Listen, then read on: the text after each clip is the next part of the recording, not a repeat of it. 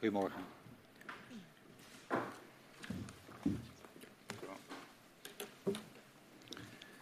Goedemorgen. Goedemorgen, meneer De Waal. Van harte welkom hier bij de parlementaire enquêtecommissie aardgaswinning Groningen. Ook eh, uw begeleider heet ik welkom, de heer eh, Boomsma.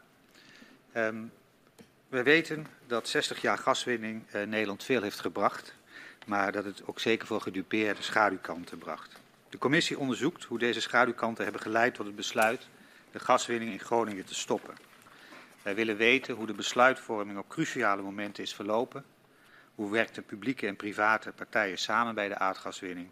En we onderzoeken de aardbevingen en de ontwikkeling van kennis daarover. De afhandeling van schade die veroorzaakt wordt door bevingen en het proces van het versterken van gebouwen in de provincie Groningen. En vandaag heeft de commissie een aantal wetenschappers opgeroepen die al sinds de jaren 90 uh, van de vorige eeuw actief uh, onderzoek verrichten naar de relatie tussen gaswinning, bodemdaling, aardbevingen en schade aan huizen. Ja. En we beperken ons vandaag eigenlijk vooral tot de vroege fase.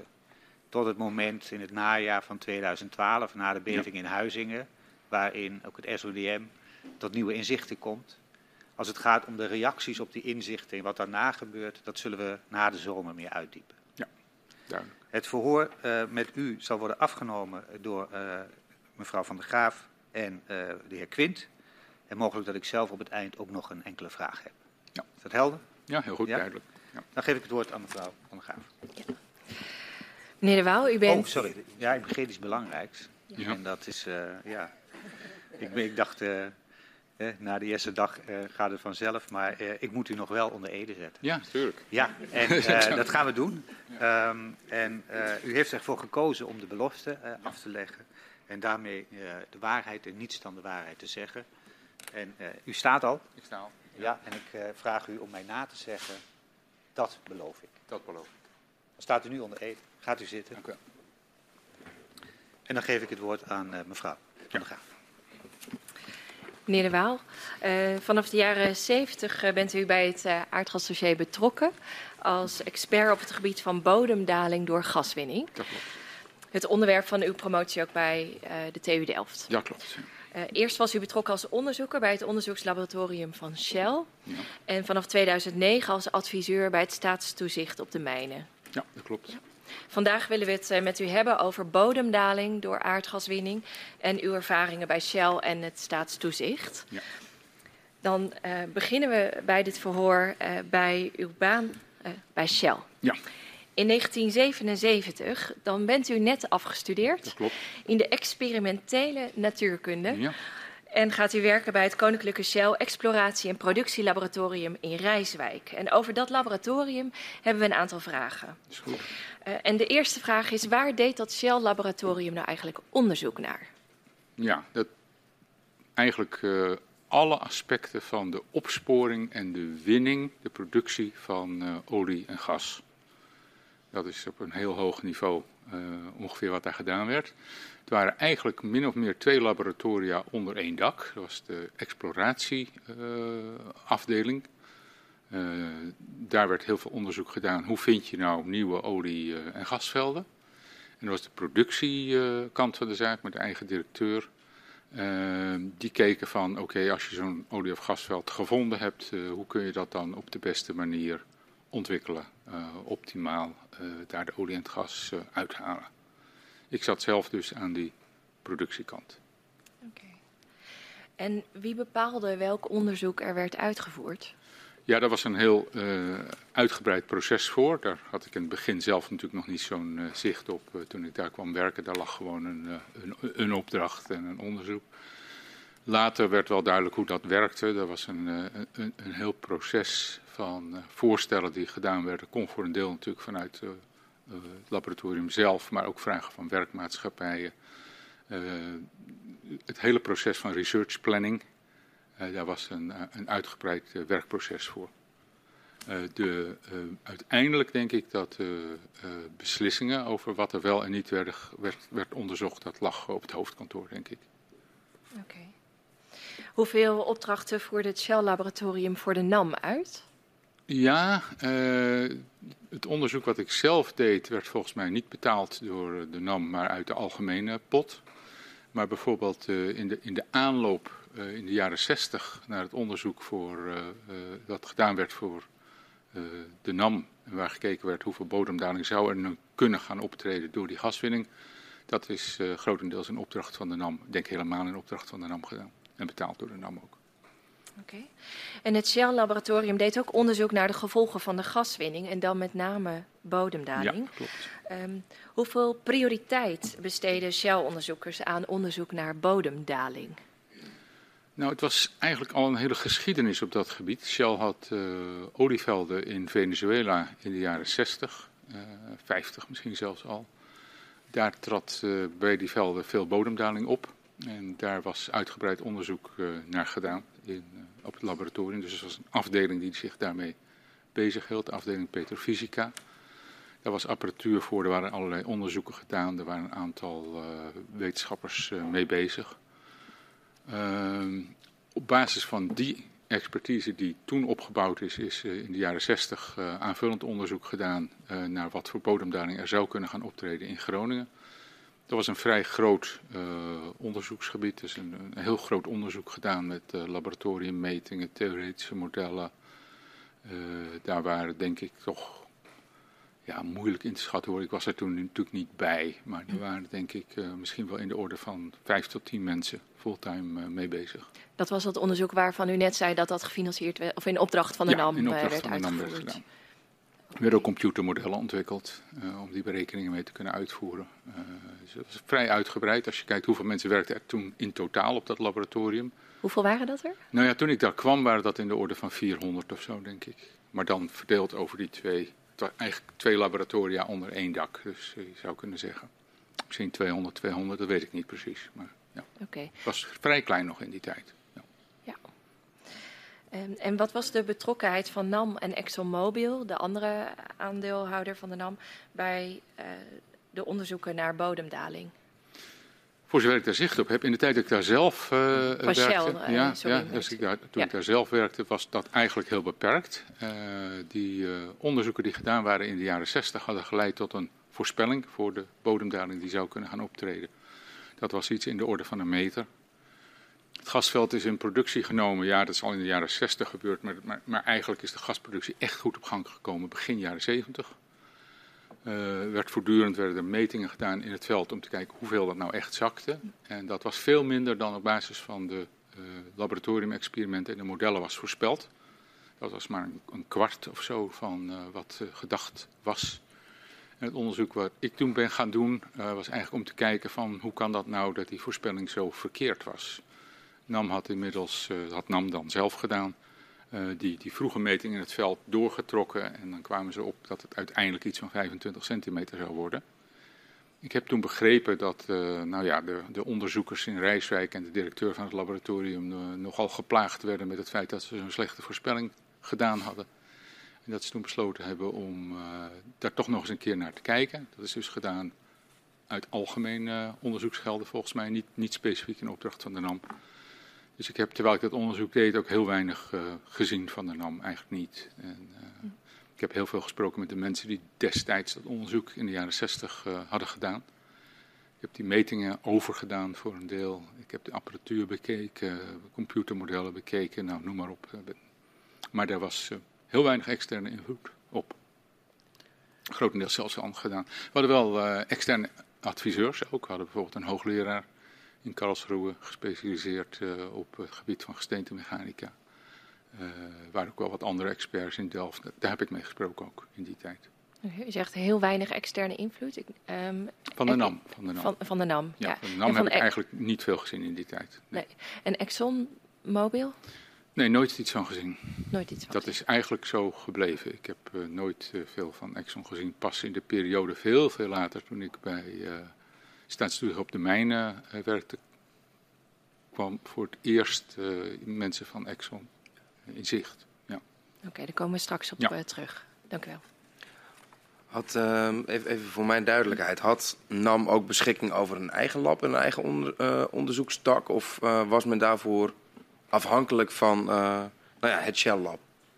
Ze hadden wel een eigen laboratorium, heel klein was dat. Daar konden ze wel wat metingen doen, maar uh, zodra dus uh, ingewikkelde zaken werden, Uh, waren ze volledig afhankelijk van het Shell-laboratorium in Rijswijk. Of ja, elders. Ze konden natuurlijk ook elders onderzoeken uitzetten als ze dat gewild zouden hebben. Ja. En als ik het goed begrijp, u treedt in dienst in 1977. Dat is Klopt. kort nadat um, het laatste onderzoek van Shell uitwijst dat de geraamde bodemdaling in Groningen een stuk minder is dan aanvankelijk verwacht. Aanvankelijk ging het over een meter tot anderhalve meter. Ja, klopt. Uh, de laatste ramingen van Shell halverwege de jaren 70 zeggen dan, nou, 20, 30, 40 centimeter. Um, ja, dat was, dat was niet Shell volgens mij. Uh, ik heb altijd begrepen dat dat de NAM zelf was. Okay. Dus de NAM zelf heeft uh, op een gegeven moment gekeken naar die metingen die in het veld plaatsvonden dat doorgetrokken naar, oké, wat gaat het dan worden? Aangenomen dat dat uh, ja, eigenlijk lineair elastisch, zoals dat ja. heet, een soort veer is, hè, dat reservoir. Uh, en dan kom je op die 25 centimeter. Daar hebben ze voorzichtigheidshalve volgens mij nog 5 centimeter bijgestopt. En toen gezegd, nou, we denken dat het 30 centimeter gaat worden. En het was die voorspelling van de NAM die aanleiding was voor uw onderzoek in 1977? Ja, de, de reden was het verschil eigenlijk. Waarom gebeurt er in het veld nou iets anders dan wat we op basis van uh, metingen en berekeningen uh, voorspeld hadden? En um, dat onderzoek dat u begint, dat is dan in opdracht van NAM? Nee, in opdracht van Shell? volgens mij niet in opdracht van Shell. Oké. Ja. En uh, hoe pakt u dat onderzoek aan? Want dan, dan zijn de veldmetingen van NAM liggen er. Ja. Er zijn twijfels. Ja. Um, hoe gaat u dan te werk? Ik heb, uh, nou, ik ben begonnen eind uh, 77, november of zo, 77. Dus een algemene introductie. Ik ben eerst gaan lezen. Ik had natuurlijk zelf expertise op een heel ander gebied van uh, vast waterstof. Dus ja, dat is toch echt wat anders. Dus dat duurt wel een paar maanden. Je leest je in, je leest de apparatuur, je gaat de apparatuur bekijken. Je leest de rapporten, je gaat met de mensen praten die in de jaren 60 dat onderzoek gedaan hebben. Want die, die werkten er nog steeds voor, voor het grootste gedeelte. Een gegeven moment ben ik een aantal metingen gaan overdoen. De gesteente monsters die destijds gebruikt waren, die waren er nog. Ik heb die metingen nog eens een keer overgedaan. Daar kwam min of meer hetzelfde uit. Ja, en ondertussen natuurlijk allerlei ideeën verzameld en zelf bedacht. En ook wel in gesprekken met mensen van waar zou dat nou van kunnen komen.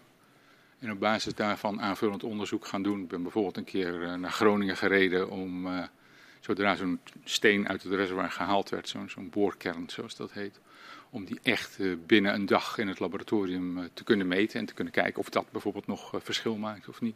Moest u nou, voor het onderzoek vaker naar Groningen? Niet echt heel vaak. Nee, nee, nee. Het was echt speciaal gevraagd toen om een uh, nog warme kernsteen ja, te krijgen, zal ik maar zeggen. En dat is ook wel gelukt, maar er kwam eigenlijk precies hetzelfde uit. Uh, op een gegeven moment ben ik wel al die metingen die gedaan waren in het verleden gaan analyseren. Ook, ook metingen die gedaan waren al in de jaren 50 en 60. En ik maakte mijn uh, figuren. Ik, ik, ik, deed met dat vaste waterstof wel dingen die een beetje daarop leken. Maar het was wel anders, maar toch. Dus ik ben ook figuren en analyses gaan maken zoals ik dat deed met mijn metingen aan uh, vast waterstof uh, in Amsterdam. En dat was anders. Ik deed het op een andere manier eigenlijk dan gebruikelijk was in de gesteentemechanica. Ik was natuurkundige. Nou, goed, doe je dan een beetje anders. En toen zag ik ineens dingen waarvan ik dacht: hé. Hey, het lijkt wel alsof kruip een rol speelt. Dat het dus niet een veer is, hè, dat gesteente, wat je indrukt. En als je de drukte weer afhaalt, dan, nou, komt het gewoon weer terug. Het lijkt er ook op of er iets is dat je drukt het in en dan, nou, gaat de zekere mate wordt het in elkaar gedrukt. En als je dan wacht, dan zie je dat het nog langzaam nakruipt een beetje. Dat uh, is iets wat je niet uh, verwacht, de meeste mensen ook niet uh, verwachten. Toen ben ik experimenten gaan doen om te kijken hoe dat dan werkte, hoe die kruip werkte. Het bleek ook kruipexperimenten nog uit het verleden te zijn, uit de Venezuela-tijd. En langzaam ontstond er een beeld dat dat misschien wel iets te maken had met die verschillen. En ik ben toen hele specifieke laboratoriumexperimenten gaan doen, en berekeningen ook wel, uh, om te kijken wat daar het effect van zou kunnen zijn. En ik kwam eigenlijk al vrij snel tot de conclusie dat dat het misschien wel was. Er waren misschien wel vijf of zes mogelijke verklaringen bedacht. Mm -hmm. Bijvoorbeeld, je haalt zo'n steen, boor je los uit zo'n uh, gasreservoir. Dat geeft ontzettend veel trillingen en schokken en dan haal je druk eraf. Misschien raakt dat gesteente wel heel erg beschadigd. En als je het dan naar boven haalt, dan, dan, dan meet je niet wat er hè, in de ondergrond gebeurt, want je hebt het gesteente veranderd. Nou, dat heb ik bijvoorbeeld onderzocht door dat gesteente op allerlei manieren verder te pesten, door het te trillen, te zagen, te doen en dan te kijken of het nog anders uh, werd. Dat was niet zo, het bleef precies hetzelfde. Toen ook die kruipexperimenten gaan doen. En toen heb ik eigenlijk ontdekt dat als je zo'n steen belast, zo'n uh, zo monster uit het veld, ja. En dat dan een tijd laat staan. In het begin deed ik dat eh, een dag of een, eh, of een maand of zo. En het daarna weer gaat belasten. Dat je dan iets krijgt wat lijkt op wat in het veld eh, gezien werd. Namelijk eerst veel minder zakking en dan na een tijdje gaat het harder zakken. Dat leek er natuurlijk op en dat ben ik steeds verder gaan uitwerken. Ik denk ongeveer een jaar mee bezig ben geweest en toen dacht ik dat ik de oplossing gevonden had. En dat verklaart ook waarom u uiteindelijk op een uh, hoger uh, nou ja, aantal centimeters bodemdaling komt dan uh, de Ja. NAM tot dan toe voorspelde. Ja, ja mijn voorspelling was eigenlijk. eh, ja, je krijgt, eigenlijk komt het omdat in het laboratorium kun je dat wel nabootsen. Hè. Je, je kunt wel iets belasten en een tijd laten staan en dan verder gaan. Je kunt ook op een gegeven moment wel met een zekere snelheid naar een bepaalde druk brengen en dan ineens 10, 100 of 1000 keer sneller verder gaan. Mhm. Nou, dan krijg je ook allemaal dat soort verschijnselen. In het veld is de situatie nog extremer. Je hebt daar dat, die, die, die, gesteentelaag waar dat gas in zit, die zit op drie kilometer diepte, maar die is daar in ja, tientallen miljoenen jaren naartoe gekomen. Dus het is heel langzaam is die druk opgebouwd. En dan ga je dat gas eruit halen en het effect daarvan is dat die belasting op dat gesteente toeneemt, want het gas draagt een deel van het gewicht van de steenlagen die daarboven liggen, dat haal je ineens weg. Dat gaat ongeveer een miljoen keer sneller. En dat was op een gegeven moment mijn idee. Ja, je versnelt dat zo ongelooflijk. Misschien heeft dat dan wel heel veel effect. En dat bleek ook zo te zijn. In het laboratorium in ieder geval. En dan kun je dat tot een factor duizend of zo kun je dat wel nabootsen. Maar ja, even goed, zo'n zo'n experiment in het laboratorium doe je natuurlijk toch in een, in een dag of een maand. Ja, of precies. Nou, zoiets. En de vraag is dan op een gegeven moment natuurlijk toch wel, kun je dat wel weer extrapoleren naar wat er in het veld gebeurt. Dat, eh, Hoe, hoe, hoe was die verhouding in de kennisopbouw? Eh, zeg maar, ehm, het Groningenveld is een specifiek gasveld met Ja. specifieke eh, kenmerken. ja. Aan de andere kant, u zegt zelf, ehm, we maakten gebruik van onderzoeken uit Venezuela. eh, de, de Po-vlakte ook, als ik me goed herinner, in Italië. Ja, dat, dat, dat was ook dat was later eigenlijk hoor. Ja, ja. Hoe, hoe was die, ver- die verhouding in uw onderzoek? Dus, de, de verhouding tussen ehm, algemene kennis, kennis uit andere gasvelden... en eh, het eigen onderzoek naar het specifieke karakter van het Moet u misschien iets specifieker toelichten? Bedoelt u, was dat vergelijkbaar, dat onderzoek? Nou, meer gewoon van wat uiteindelijk de, de invloed was op het onderzoek. Leunde u vooral op eh, onderzoek naar het specifieke van Groningen? Of Ja. leunde u daarbij vooral op internationaal vergelijkend onderzoek? Nou, ik, ik keek wel naar andere dingen, maar dat hele aspect dat die snelheden en die snelheidsveranderingen en die kruip zo'n belangrijk eh, aspect was, dat was gewoon nieuw. Dat, dat heb ik zelf eigenlijk ontdekt. Het is wel zo dat we op een gegeven moment gingen we naar eh, een adviseur van ons in eh, Karlsruhe, professor Goedehoes. Die was meer gespecialiseerd in de ondiepe ondergrond, dus zal maar zeggen de eerste paar honderd meter of zo. Dus dat noem je dan de, ja, het heet soil mechanics, heet dat dan. Dat, dat lijkt er wel op, maar het is dus bij veel lagere drukken. Maar die zei wel van, goh, dat verschijnsel kennen we eigenlijk wel. Maar dan voor eh, losse zanden en kleilagen. En daar hebben we wel modellen en theorieën voor. Dus hij was niet zo heel verbaasd eigenlijk. Wel verbaasd dat dat ook blijkbaar van toepassing was bij eh, gesteentes die dan ja, zo hard zijn als beton en op drie kilometer diepte liggen. Maar daar kwam dus wel eh, eh, ondersteuning. En dat in een veel later stadium, toen ik in Delft gekeken heb of ik daar kon promoveren op dit onderwerp, dus dat professor Verruit daar, die kende dat ook. En ook in Delft bleek modellen te zijn voor de ondergrond, dus- maar dan de ondiepe ondergrond. En die modellen waren eigenlijk vrij eenvoudig over te zetten naar de situatie in Groningen. Oké, dat kon wel. Dat kon wel. Ja. Eh, het is uw deskundigheid. ja. En we willen heel graag eh, goed begrijpen eh, hoe het allemaal eh, werkt en hoe het in elkaar zit. Eh, die bodemdaling door gaswinning. Ja. Ehm, dus daar wil ik even met u doorheen eh, Ja, praten, zodat we dat eh, kunnen begrijpen. En ook dat het begrijpelijk is voor mensen die met ons meekijken Ja. en luisteren. Ehm, eh, zou u misschien kunnen beginnen met het uitleggen hoe zo'n gasveld er nou van binnenuit ziet? Ja, dat is toch. Die, die, die laag waarin dat gas zit, bestaat eigenlijk uit, uit zandkorrels, grotendeels. En die zandkorrels die zijn eh, gedurende een periode van eh, tientallen miljoenen, honderden miljoenen jaren in het geval van Groningen, zijn die eh, langzaam steeds dieper begraven geraakt en onder hoge druk en temperatuur gekomen. En daardoor wordt eigenlijk de zaak steeds verder in elkaar geperst eh, en, en raakt ook aan elkaar vastgekit.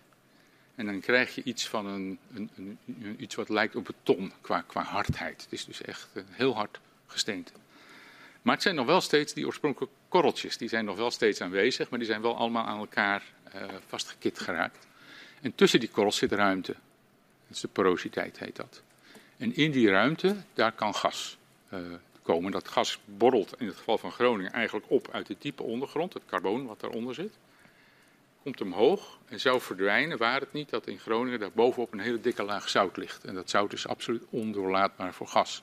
Dus dat zout borrelt omhoog, sorry, dat gas borrelt omhoog en raakt gevangen. En het, eh, in het geval van Groningen is dat een heel uitgestrekt gebied, een heel groot uh, zandlaag, gesteentelaag. Die is, ja, dat varieert nogal, maar tot 200 meter dik is die op sommige plaatsen in het midden van het veld bijvoorbeeld. en de druk is ook heel hoog, omdat het op een diepte van 3 kilometer zit. Die druk is iets van 300 atmosfeer.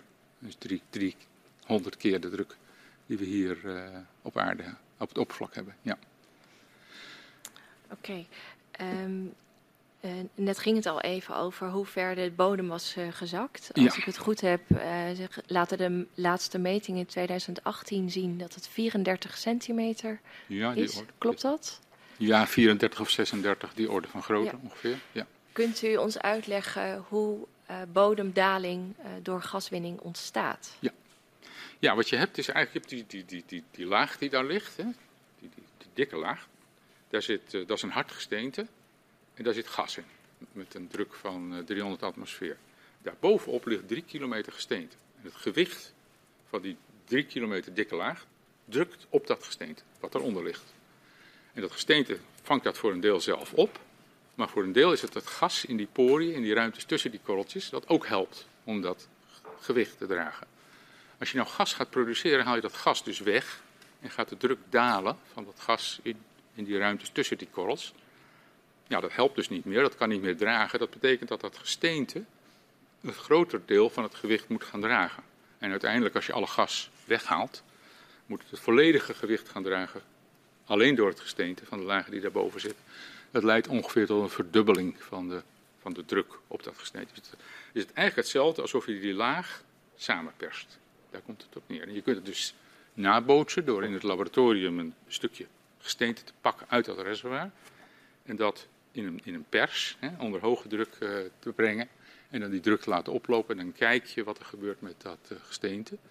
En ondanks het feit dat het uh, zo hard is als beton, ook beton kun je samendrukken. Dus als je, en, en omdat het om 300 bar gaat, echt een hele grote toename in de, in de kracht, krijg je dan toch een zekere samendrukking die ligt in de orde van ja, een half procent of minder of zo. Maar het is toch, en omdat het dan 200, 300 meter is, tikt dat natuurlijk toch aan en kom je dan toch uiteindelijk op een aanzienlijke hoeveelheid daling. Nou, dat gebeurt natuurlijk op drie kilometer diepte. Mm -hmm. Maar dat Groningen is toch min of meer een pannenkoek. Je moet je voorstellen dat is 60 kilometer in diameter, maar het zit maar op drie kilometer diepte.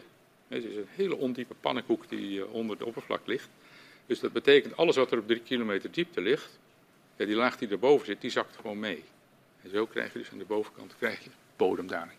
En is dat over het hele veld uh, gelijk? Ja, je zou zeggen dat in het centrum van het veld is dat wel ongeveer gelijk. Hè? Maar die, wat je wel krijgt is dat die, die laag is niet overal even dik.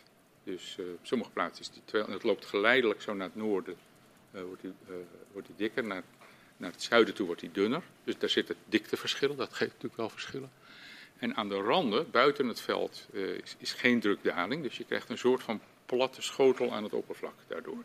Dus het varieert wel degelijk over het veld. Maar als je bekijkt, het is in Groningen, omdat het zo'n groot veld is, is het meer een soort, ja, het is meer een soort bord. Het is een soort, soort, soort, middengebied is, uh, zakt eigenlijk min of meer in zijn geheel langzaam naar beneden. En dan naar de randen toe krijg je een geleidelijke, uh, dat het minder wordt en uiteindelijk op, op wat grotere afstanden van het veld is er geen bodemdaling meer. Een diep bord. Een, doep, een, soep, een soepbord. Een ja, wordt wel gebruikt als term. Okay. Ja. Nou, daar hebben we allemaal een beeld uh, bij ja. uh, hoe dat eruit ziet. Uh, waarin verschilt bodemdaling door gaswinning nou van andere type bodemdaling?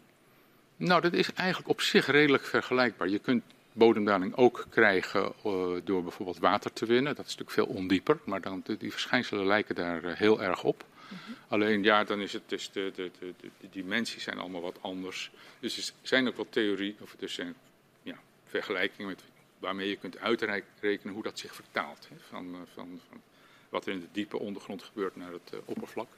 Je kunt ook bodemdaling krijgen door uh, mijnbouw, kolenmijnbouw. Dan haal je echt dingen weg, lagen. Dat stort dan vervolgens in en vertaalt zich omhoog. Dat is ook net weer even anders. maar het lijkt allemaal wel op elkaar. Dus met name die, die, die theorieën, en die zijn goed gevalideerd om die bodemdaling beneden te vertalen naar het oppervlak, die zijn goed bekend. En zoutwinning? Ja, zoutwinning kan dat ook prima. Eigenlijk overal waar je iets weghaalt in de ondergrond. Alleen zoutwinning is dan anders, omdat je daar eigenlijk. Uh, de, als je het dan bekijkt, dan heb je een holte in de ondergrond. En vaak is dat een hele dikke, dikke nou dat varieert nogal. Maar het kan bijvoorbeeld een vrij dikke zoutlaag zijn waar je een holte in maakt. Die holte krimpt dan in de loop van de tijd in. En dan ja, krijg je natuurlijk hetzelfde. Het zout aan weerszijden daaromheen stroomt dan naar die holte toe, vult die holte op. Ja, en netto neemt de dikte van de zoutlaag daar tot door af. En dat vertaalt zich dan weer naar boven, naar bodemdaling. En hoe groot is het risico op bodemdaling door gaswinning? Uh, dat ligt er heel erg aan uh, een aantal verschillende factoren. Dit ligt natuurlijk aan hoe zit het met het gesteente. Als je dus uh, zacht gesteente hebt, bijvoorbeeld los zand zoals het aan het strand ligt, dan kan zo'n gesteente echt 5% of zo in, in dikte veranderen door, door die gas- of oliewinning. Groningen is nou ja, zo hard als beton, dus dat is een paar tiende procent maar. Dus op 100 meter, wat krijg je dan? een half centimeter of zo? Nee, een paar centimeter, ja. verder maakt het uit hoe diep ligt het nou? Nou, dat, dat is met name van belang als je een klein veldje hebt. Dus je moet als het ware zien als je, als je de begraafdiepte van het, van het reservoir en de afmetingen van het veld zijn daarin karakteristieken die je mee moet nemen. Uh, als je vrij kleine velden hebt, kan het bijvoorbeeld zijn dat de bodemdaling aan het oppervlak maar de helft is, of een derde van wat er in de diepe ondergrond gebeurt. Maar Groningen is zo groot, die pannenkoek waar ik het net over had, dat het eigenlijk één op één gaat. Ja. Uh, en dan de hoeveelheid drukdaling. Als je, als je een klein beetje gas eruit haalt, of als er bijvoorbeeld uh, van de zijkanten water in kan stromen in olievelden, heb je dat vaak. Waardoor dat, die vloeistoffen die in dat gesneden zitten op druk blijven, dan krijg je ook veel minder bodemdaling. Dus je, je hebt uh, manieren om, om heel snel, echt in vijf minuten, te kunnen inschatten. Als je zegt, nou, dit zijn ongeveer de afmetingen, dit is ongeveer de drukdaling, dit soort gesteente wat je hebt, dan kun je vrij snel zeggen van, nou, hier uh, krijg je een paar centimeter, 10 centimeter, een meter, vijf meter. Dat kan. Dus bodemdaling uh, kun je beïnvloeden? Je kunt het beïnvloeden, ja. Je, kunt, je zou bijvoorbeeld uh, kunnen zeggen, ik haal er iets uit, het gas bijvoorbeeld. En ik pomp er wat anders in, water of gas. En ik voorkom op die manier dat de uh, Dat geeft wel allerlei complicaties natuurlijk. Want gas en water gaan zich dan mengen, of die twee gassen gaan mengen. Maar, maar het kan wel, ja. En hoe wordt die bodemdaling nou gemeten? Ja, dat is niet mijn specialisme op zich.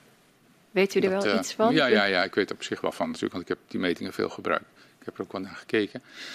Je, je, maakt een netwerk van, van, meetpunten aan het oppervlak. Het zijn individuele plekken waar je bouten, uh, nou, die draaien in een huis of op plekken waarvan je denkt dat het stabiel is. En vervolgens meet je van punt naar punt steeds hoe de uh, hoogte van die bouten ten opzichte van elkaar verandert. En dan zijn er technieken, computermodellen, technieken, om die metingen vervolgens allemaal te gebruiken, om daarin vast te stellen van Oké, je kunt je voorstellen als je ver weg begint buiten het veld en dan meet je steeds naar de volgende bout. Naar het midden van het veld, het is in werkelijkheid wat ingewikkelder, maar goed, dan, dan kun je dus vaststellen hoe ver het daar gezakt is. Ja. En dat kun je steeds doen. Dat kun je iedere jaar of iedere vijf jaar kun je dat uh, herhalen. En op die manier krijg je een beeld hoe dat in de tijd verloopt. En je hebt dus ook een beeld, omdat je een heel netwerk over dat veld hebt, krijg je ook een beeld van hoe dat ruimtelijk zich verdeelt.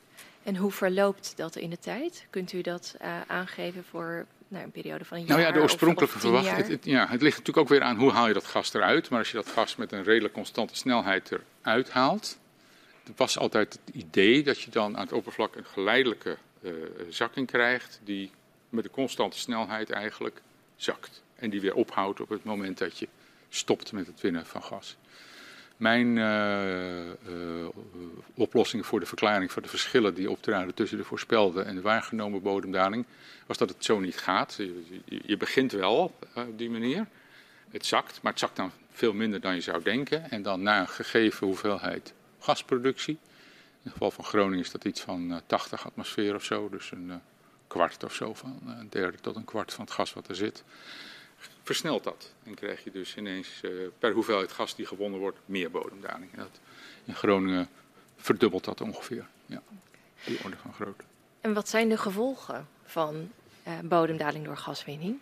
Ja, ook daar moet ik zeggen dat het niet echt mijn specialisme is, maar ik heb er natuurlijk wel veel, uh, ik heb wel naar gekeken en veel over gelezen. Er zijn mensen die kijken dan van wat, wat kan er dan gebeuren als je die bodemdaling krijgt. Nou, ten eerste natuurlijk op de grootschalig, als we ons even tot Groningen beperken bijvoorbeeld. Als je in het midden van het veld natuurlijk een bodemdaling voorspelt van een meter en aan de randen niet, dan ja, gaat al het water natuurlijk gewoon naar het midden van het veld toe lopen. Dat zou je niet willen.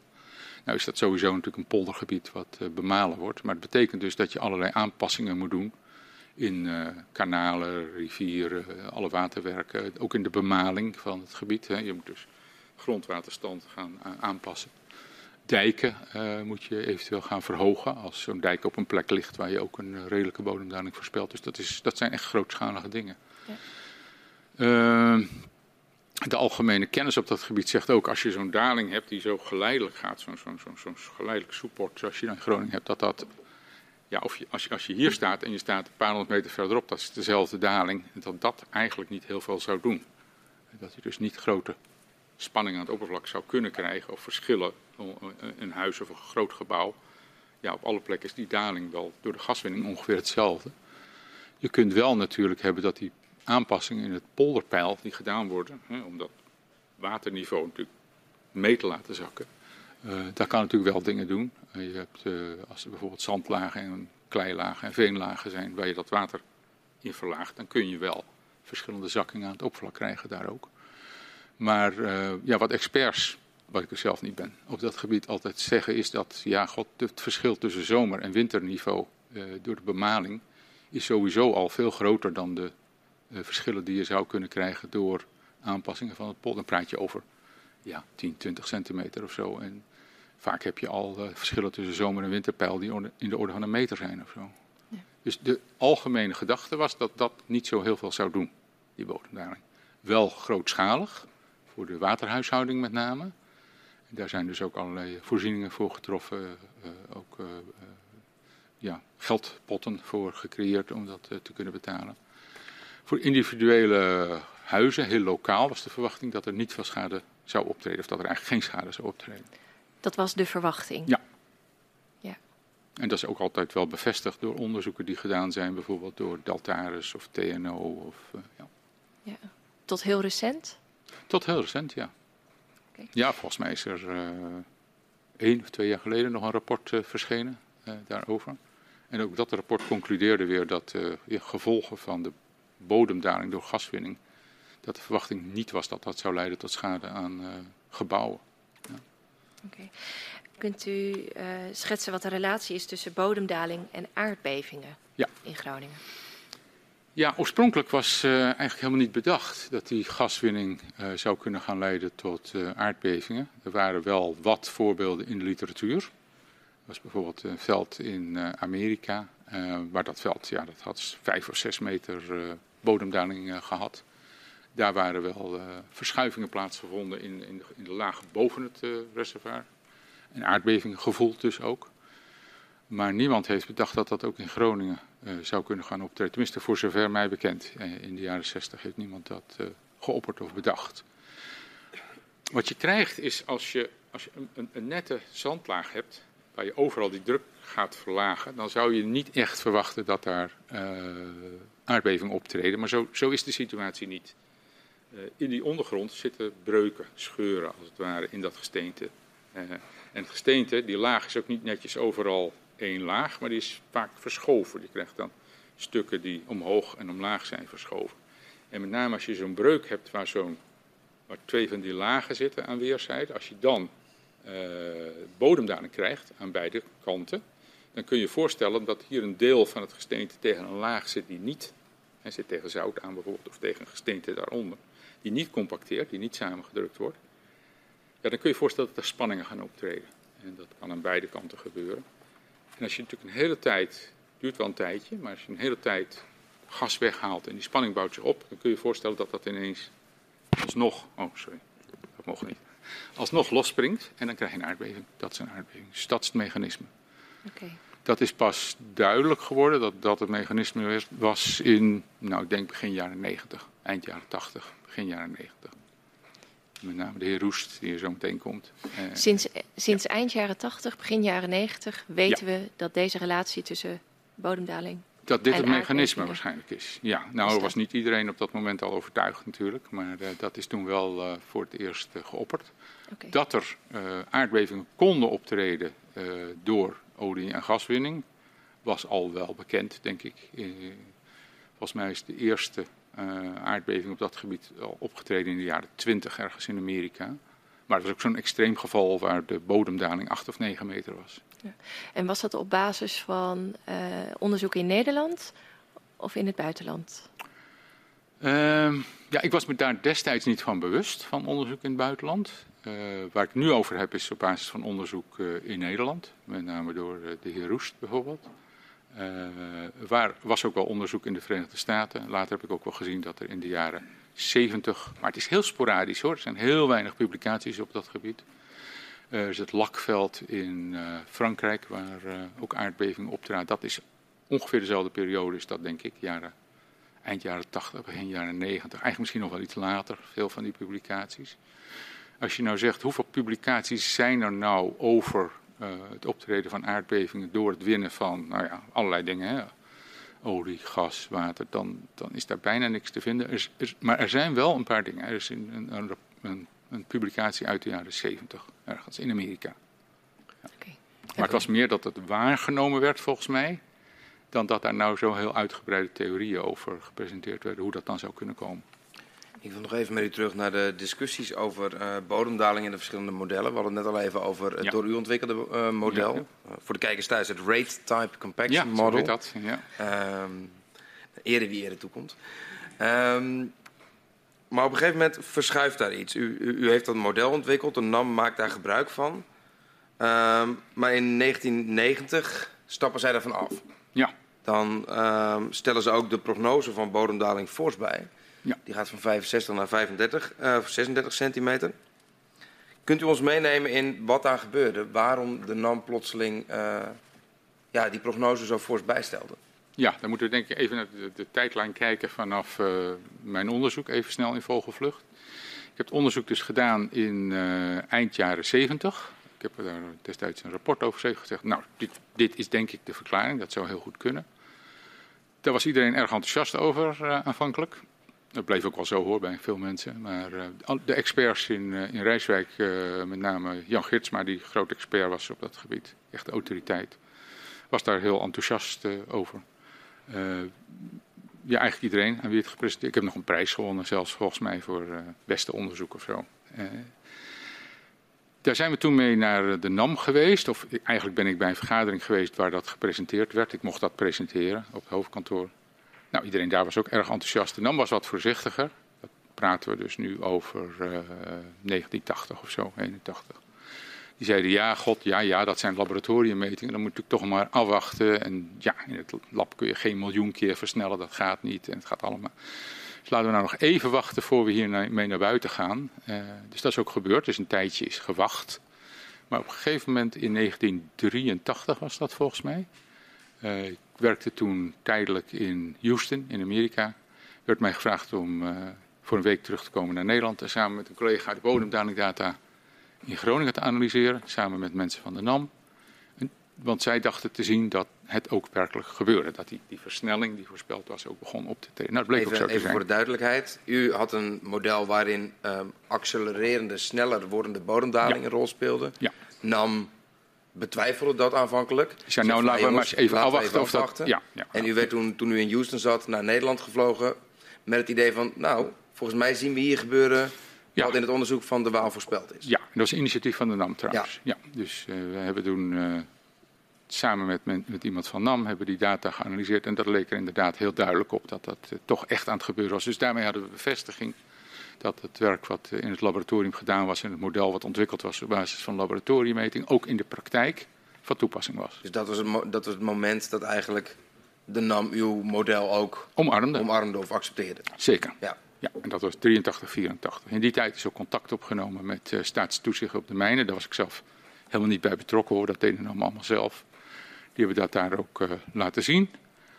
Uh, opmerkelijk, maar dat heb ik nu pas heel recent ontdekt, uh, uh, blijkt dat ook iemand bij SODM al eerder, zelfs al in 76, meende dat hij dat zag in die bodemdalingsdata en versnelling, dat hij dat ook toen al gezien heeft. Maar daar is verder nooit heel veel rugbaarheid aan gegeven, maar hij dacht dat toen al te zien. Ja. Nou, iedereen heeft was... dat nooit verder onderzocht? Het is toen niet echt verder onderzocht. Nou, volgens mij heeft hij wel vastgelegd. De NAM had toen, eh, op een moment dat ze die bodemdalingsvoorspelling bijstelde van een meter naar 30 centimeter, heeft hij wel die opmerking gemaakt dat hij dat nog te vroeg vond. En het is ook altijd wel zo geweest dat die meter is de basis gebleven eigenlijk altijd voor uh, de planning van aanpassing aan de waterwerkingsschadevergoeding. Nou goed, we zijn dan in 83, 84. Iedereen zegt, god, dat is het dan blijkbaar toch. Hè? Dit model is van toepassing. Uh, en dan besluit NAM uh, om daarmee naar buiten te gaan. Ze zeggen, nou, het zou ook wel goed zijn om dit echt goed te laten onderbouwen. Nou, we wetenschappelijke publicatie daar uh, op basis daarvan doen. Ik zelf vond het wel erg leuk om daarop te promoveren. Heb ik voorgesteld, dat vonden ze een goed idee. Iedereen vond dat een goed idee. Dus toen zijn we naar professor Vooruit gestapt in, in Delft. En gevraagd of dat inderdaad iets is waar je op zou kunnen promoveren. Hij vond van wel. Toen is uiteindelijk in, ik meen 85 of 86, is die bodemdaling door de NAM bijgesteld weer. En is toen naar, dacht 65 centimeter of zo, 60, 65 centimeter. 85 en 65 centimeter ja. inderdaad. Ja, ja. ja. Nou, iedereen blij, iedereen tevreden, we zijn, uh, we zijn klaar. Uh, een jaar later ongeveer ben ik weggegaan bij het laboratorium in Rijswijk. Ben ik in Aberdeen gaan werken. Een heel andere tak van sport. Ik uh, ben gaan helpen bij het opsporen van olie en gas op de Noordzee een aantal jaren. En op een gegeven moment, maar daar ben ik dus zelf helemaal niet bij betrokken geweest. In 1989 is uh, de NAM weer naar uh, staatsstudie gestapt. En hebben ze gezegd van ja, volgens ons, nou, denk ik toch niet dat het dat reetijdcompactiemodel is. Volgens ons is het toch gewoon een veer, is het gewoon lineair elastisch. En we willen de voorspelling weer bijstellen naar uh, iets van 33 of 36 centimeter mm -hmm. of zo, die orde van grootte. Nou, dat was wel wat. Het bleef maar op en neer gaan. Het bleef steeds veranderen natuurlijk, die ja. voorspelling. Dus SODM heeft toen aangedrongen op een uh, onafhankelijk uh, second opinion. Een, een, een, onderzoek door externe autoriteiten. Dat is ook gebeurd. Maar het onderzoek is betaald door de NAM. Die hebben MIT, Massachusetts Institute of Technology, gevraagd om gewoon eens een keer naar het geheel te kijken. Uh, en, en, te kijken wat nou de waarheid was en of die nieuwe voorspelling van de NAM, waarbij ze dus zeiden van, nou, het is gewoon lineair elastisch, het is een veer, wordt gewoon uh, iets in de, in de 30, 33 centimeter, die orde van grootte. Klopt dat nou of, of, of zit dat toch anders? Ze hebben dat gedaan. Twee zeer gerenommeerde onderzoekers van, uh, van MIT, Toxos en Walsh, hebben daar een uitgebreid rapport uh, over geschreven. Er is een vertrouwenscommissie bij betrokken. Ik heb er allemaal zelf heel weinig van gezien, want ik zat uh, in Aberdeen, ver ja. weg. Je had nog geen internet en je had nog geen websites, dus dat, in die tijd was dat allemaal wat lastig. Ik wist dat het gebeurde. Ik sprak wel met uh, collega's in Rijswijk. Maar... En zij kwamen tot de conclusie, nee hoor, is allemaal goed wat de NAM doet. Uh, prima, state ja. of the art, helemaal goed. En dat uh, rate-type model, nou het werd nauwelijks genoemd in het rapport. Een beetje wordt gezegd, nee dat is niet van toepassing. Wordt gewoon, uh, wordt gewoon weer 33 of 36, ik weet niet meer precies wat het getal was, centimeter. Aan het eind van de productieperiode. Opmerkelijk, heel opmerkelijk eigenlijk. Mijn model en werk werd eigenlijk afgeschreven. Ja, er zijn een paar dingen die ik daar opmerkelijk aan vind. Um, u zegt heel specifiek, uh, de second opinion van, van uh, door MIT um, wordt door NAM zelf betaald. Ja. Is, dat, is dat ongebruikelijk? Ik geloof dat het in die tijd heel gebruikelijk was. Het is heel lang gebruikelijk gebleven, uh, eigenlijk. misschien ook heel onverstandig denk ik zelf, eerlijk gezegd. Maar uh, dat was wel usance, ja. Het is wel zo dat in, in, in de, de, manier waarop de Nederlandse wetgeving werkt, is de verantwoordelijkheid, ja. is natuurlijk ligt bij de uh, oliemaatschappij, bij de operator, zoals dat dan heet. Dus de maatschappij die olie en gas wint, is verantwoordelijk voor alle aspecten van uh, veiligheid, onderzoek, noem maar op. Maar de, de, de geraamde bodemdaling heeft forse financiële consequenties ja, voor de operator van een, van een gasveld, lijkt ja. me.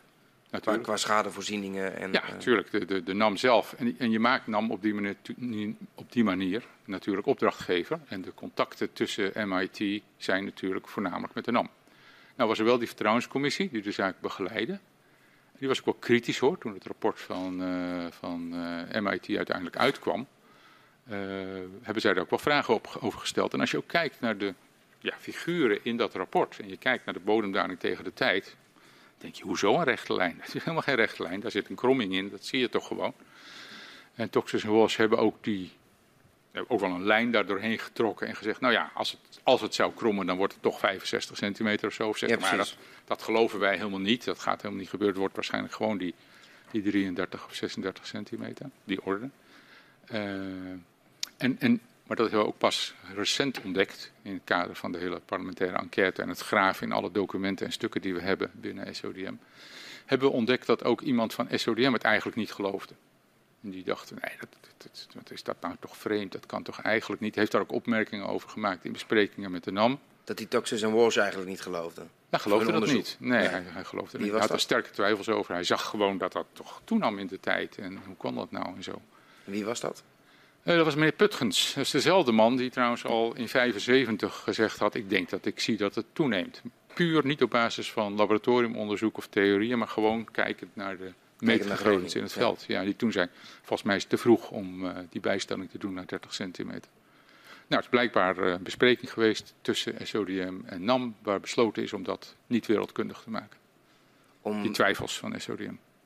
Heeft u het nu over de jaren 70 of over de jaren 80? Ik heb het nu over 1990. Oh nee, precies. Ja, toen dat Dus- dus er waren, er waren twijfels bij SODM Ja. over de second opinion. Nou, iemand bij SODM. Ja, precies. eh, de heer Putgens. Ja, klopt. Eh, en, en er is toen besproken dat niet openbaar te maken. Ja. Dat, eh, en ehm, u zei iets anders wat mij ook opviel. Dat u helemaal niet betrokken was. U zit in Aberdeen. Ja.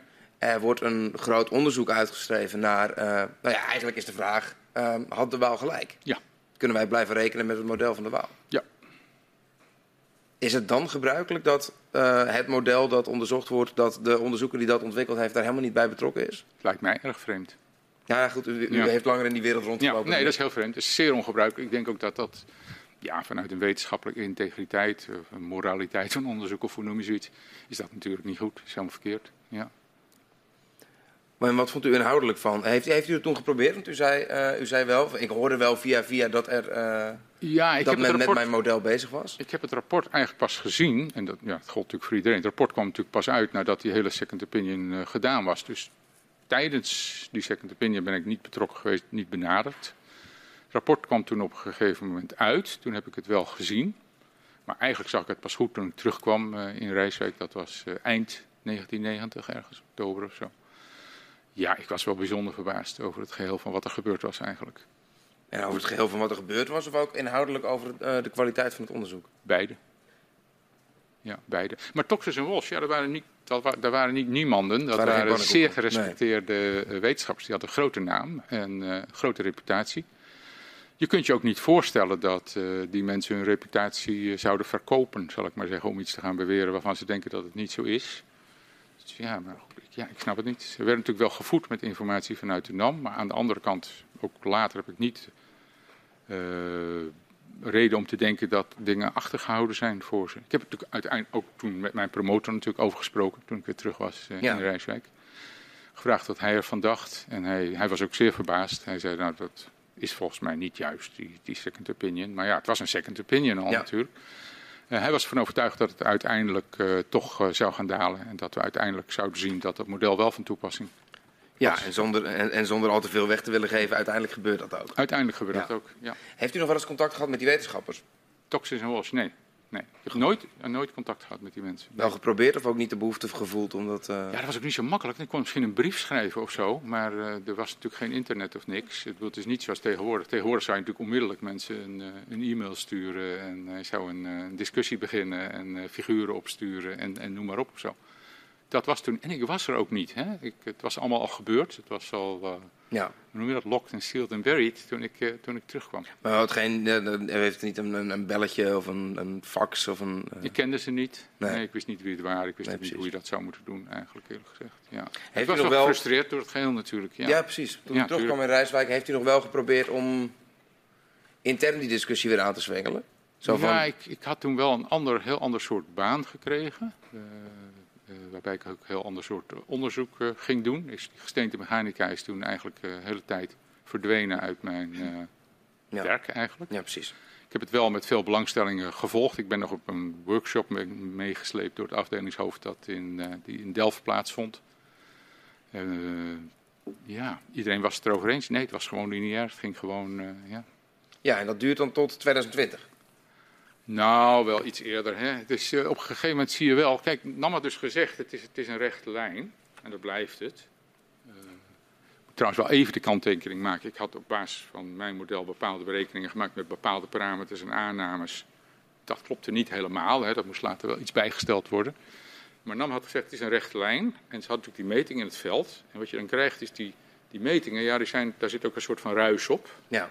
Dus daar kun je wel een rechte lijn doortrekken in het begin. En ook als het begint te krommen, kun je daar ook nog steeds wel een rechte lijn doortrekken een tijdje. Alleen ja, omdat het harder zakt, moet die lijn dan wel schuiner gaan lopen. Ja. Dus dat zag je in het begin. Dan zag je dat NAM die, bij, die, die, die bodemdalingsvoorspellingen wat ging bijstellen. Dat werd langzaam meer. Dat ging naar 36 centimeter, 38 centimeter.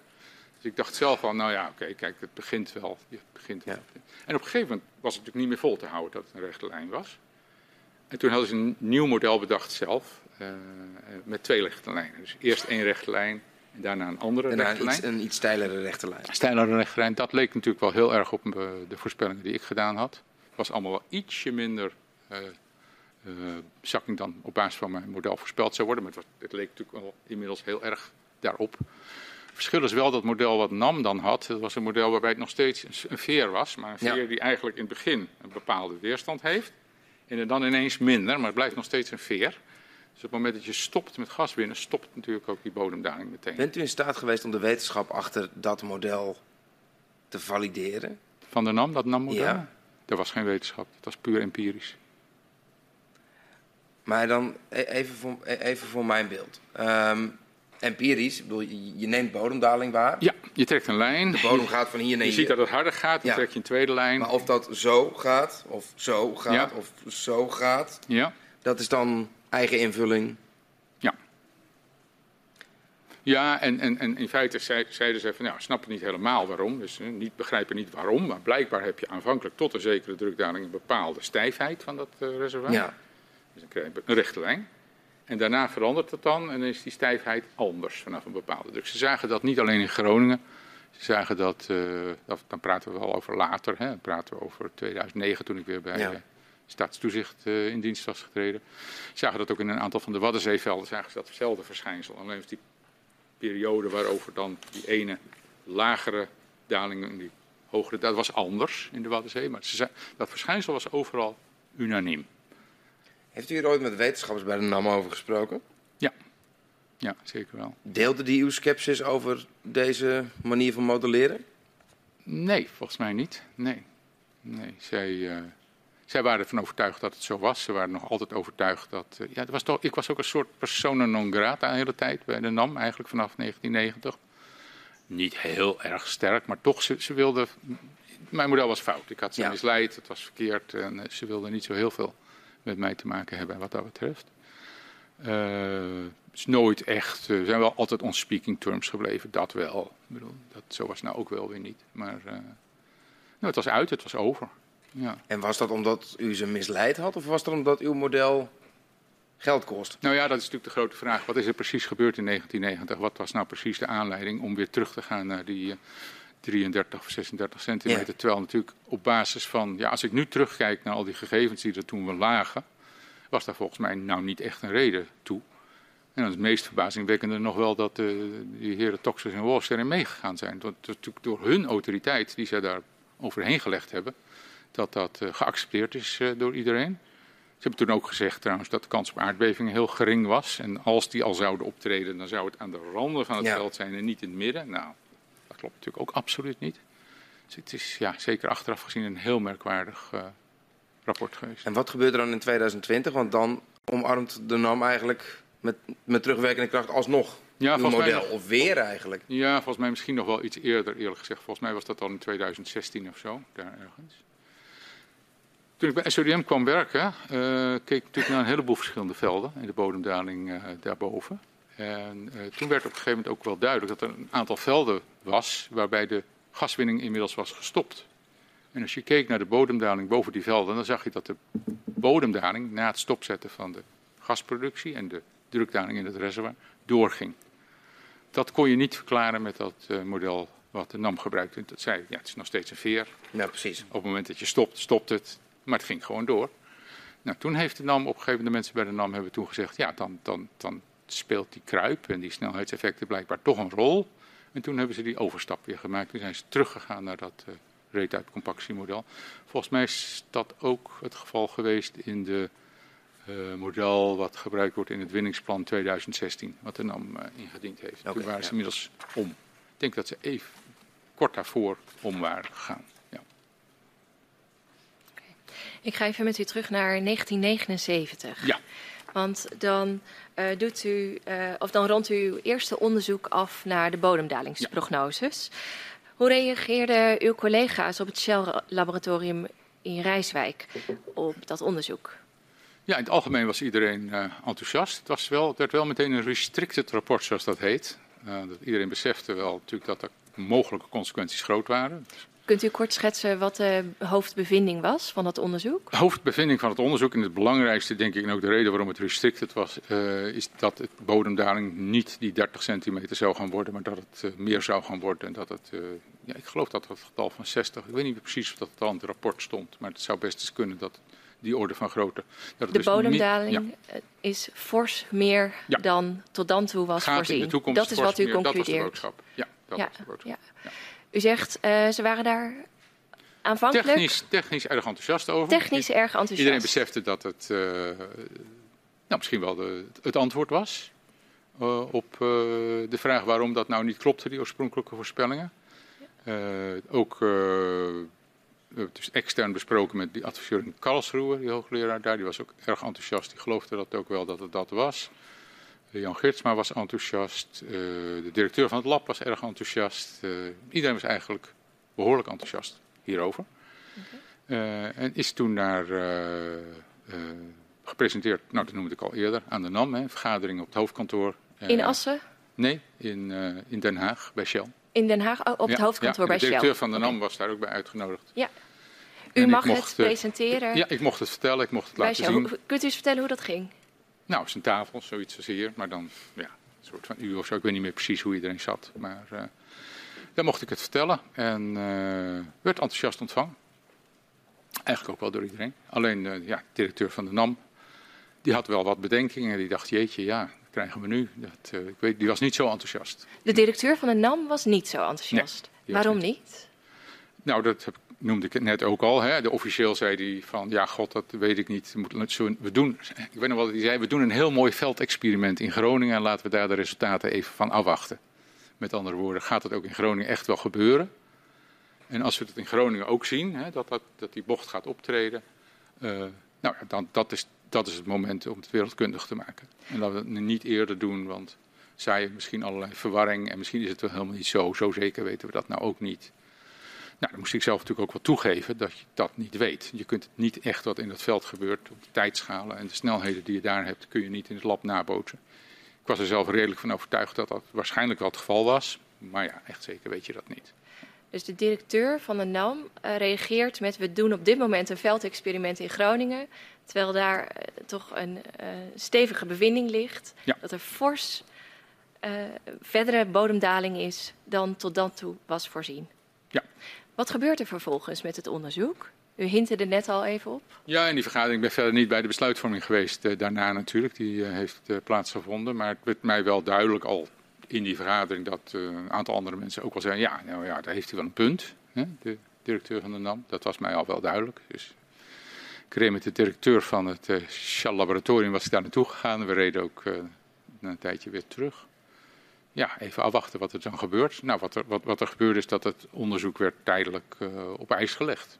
Daar komt het eigenlijk op neer. Het rapport werd in een kluis uh, gestopt. Uw onderzoek werd in een kluis gestopt? Ja, ja het rapport. Ja. Het rapport. Het rapport, ja. Daar is het weer uh, uitgekomen, een paar jaar later, toen inderdaad bleek dat in Groningen de verschijnselen die zoals ze voorspeld waren, inderdaad optraden. U zei net al, het kreeg uh, het stempel restricted. Ja. ja. Waarom?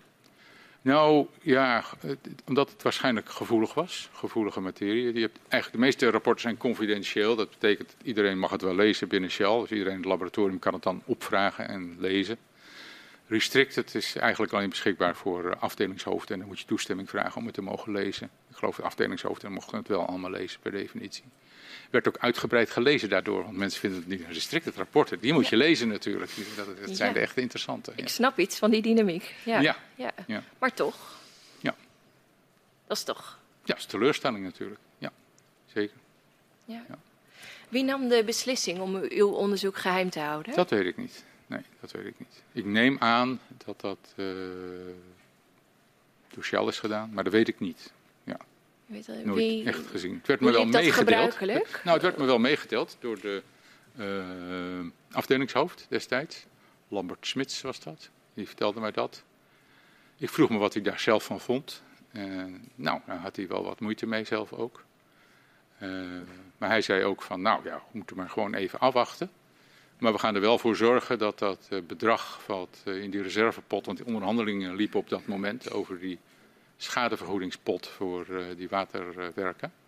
We gaan er wel voor zorgen dat die 600 miljoen gewoon blijft staan en dat die meter de basis blijft voor eventuele bodemdaling. Dat, dat, dat, gaan we, dat, dat gaat wel gebeuren, dat vertelde hij toen. Ja. Okay. Dus we gaan niet full out eigenlijk op die 30 centimeter inzetten. Daar komt het op neer. En hoe gebruikelijk eh, was het nou uh, bij Shell om onderzoek, nou ja, zo'n stevig onderzoek niet te publiceren? Uh, nou, veel onderzoeken worden natuurlijk niet extern gepubliceerd. Hè. Dat, zijn natuurlijk vaak bedrijfsgeheimen. Het onderzoek wordt natuurlijk gewoon gedaan om, uh, om voordeel te behalen in competitief opzicht.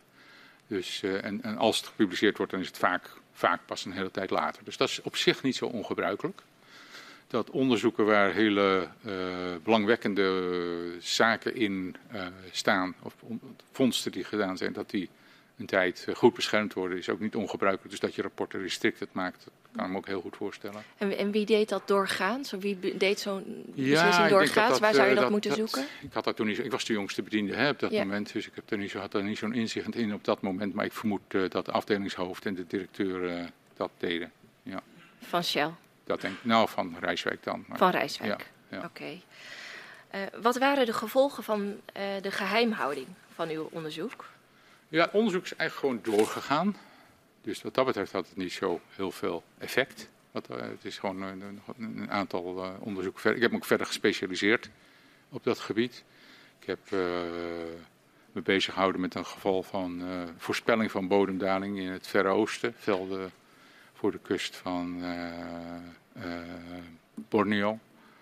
Daar hadden we ontdekt op basis van laboratoriummetingen dat daar misschien wel 5 tot 10 meter bodemdaling zou gaan optreden. Dat waren offshore uh, platforms, dus dat, nou, die verdwijnen dan onder water hè, voor een groot deel. Dus dat, daar heb ik veel onderzoek naar gedaan. Later hebben we dat nog uh, voor de Noorse overheid uh, gedaan, voor het Ecofisc-veld, toen daar ontdekt werd dat dat plots. Dus ik ben helemaal in dat veld actief gebleven, altijd, dat wel. Oké. Okay. dus ik om nou te zeggen dat dat heel negatieve invloed heeft gehad, nee, dat valt wel mee, denk ik eerlijk gezegd. Ja. Het heeft wel een vertraging natuurlijk opgeleverd, dat wel, denk ik, van een paar jaar, met name voor Groningen. Ja. ja kunt u daar wat woorden aan geven? Nou, ik denk dat je dat moet doen. Ik, ik, ik, denk dat dat überhaupt een beetje een probleem is in dat hele Groningen-dossier. Er is voortdurend gezocht naar de waarheid. en dat in een uh, situatie waarin je weet dat er heel grote onzekerheden zijn. Dus als ik er achteraf op terugkijk, denk ik dat je dat zo. Je, moet veel meer in scenario's denken. En je moet zeggen, nou, het zou kunnen natuurlijk dat, dat de waal ongelijk heeft en dat het toch gewoon uh, veer is en lineair elastisch. En dan krijgen we gewoon iets van 30 centimeter bodemdaling. Maar het zou ook kunnen zijn dat hij gelijk heeft. En dan wordt het misschien uh, eh, 65 centimeter. En god, ja, misschien is er ook nog wel een scenario te bedenken waarbij het toch die meter wordt uiteindelijk. Hè? En dat je dan in die verschillende scenario's denkt en ervoor zorgt dat je de zaak zodanig opereert dat je, ja, als een van die scenario's zich uiteindelijk manifesteert, en je blijft natuurlijk in de tijd kijken, dat, dat je dan een beheersbare situatie houdt. Ja. Maar u zei net, het leidt tot vertraging. Uh, kunnen we zo stellen dat het geheim houden van het onderzoek, het rapport, ja. dat dat heeft geleid tot het vertraging uh, in het zoeken naar oplossingen voor Groningen? Mm. Ach, ja, dat is moeilijk te zeggen. Het, het, je weet natuurlijk nooit wat er gebeurd zou zijn als. Maar uh, uiteindelijk is er wel een versie van het rapport uh, uitgekomen, uh, een paar jaar later, twee, drie jaar later, die zich dan concentreerde op de zachtere materialen. Ik moet zeggen, zoals in Venezuela gebruikelijk was. En uiteindelijk ben ik er in 1986 op gepromoveerd. Dus de totale vertraging, of 85, 86. De totale vertraging is iets van een jaar of zes, zeven geweest. Nou, daarvoor was al uh, discussies geweest met staatstoezicht natuurlijk over het model. Vier, vijf jaar vertraging, denk ik. Ja, okay. zoiets. Um, u sprak net over scenario's. Ja. Uh, rekenmodellen zijn uh, ook altijd gebaseerd op aannames. Uh, ja. De uitkomst gaat altijd gepaard met onzekerheden. Ja. Hoe ging u om met onzekerheden in de bodemdalingsvoorspellingen? Ik denk aanvankelijk was ik daar nogal naïef in. Ik dacht ook, ik was natuurkundige, hè, daar is alles heel goed gedefinieerd en vastgelegd. En, dus ik denk dat ik aanvankelijk niet zo'n gevoel had voor uh, hoe groot die onzekerheden wel niet zijn in de voorspellingen die je doet in geomechanisch onderzoek. De eerste eye-opener voor mij was al toen we naar die, ook al in een vroeg stadium, dus dat was denk ik al in 77, nou waarschijnlijk 78, naar die externe adviseur gingen van ons in Karlsruhe professor Goedehoes. En die, die, die, nou, die vroeg ons, wat is het probleem? Nou, we legden het probleem uit. Het verschil tussen de voorspelde en de waargenomen bodemdaling in Groningen was een factor 3. Waarop hij zei, nou, dat is goed zeg. En toen dacht ik al, oh, wacht, dit is toch wel een andere wereld. Uh, hij vond dat helemaal niet zo slecht. Hij vond dat eigenlijk best redelijk goed. Hij kende best voorbeelden waar die verschillen veel groter waren. Uh, dus ik ben al vrij snel wel tot de conclusie gekomen dat, uh, dat die onzekerheden aanzienlijk zijn. Ja. Uh, volledig inzicht daarin heb ik eigenlijk pas later gekregen. En met name ook in de, in de tijd van. Maar toen ik bij staatstoezicht ging werken, toen denk ik dat ik inmiddels wel van overtuigd was. Je kunt een voorspelling doen als je een veld nog niet geproduceerd hebt. Je maakt zo'n voorspelling. Moet je er rekening mee houden dat dat makkelijk de helft kan worden. Of het dubbele kan worden van de bodemdaling die je voorspelt. Dat kan prima. Je hebt zoveel onzekerheden in de eigenschappen van het gesteente. Je hebt maar een heel beperkt deel van het reservoir waar je metingen op kunt doen.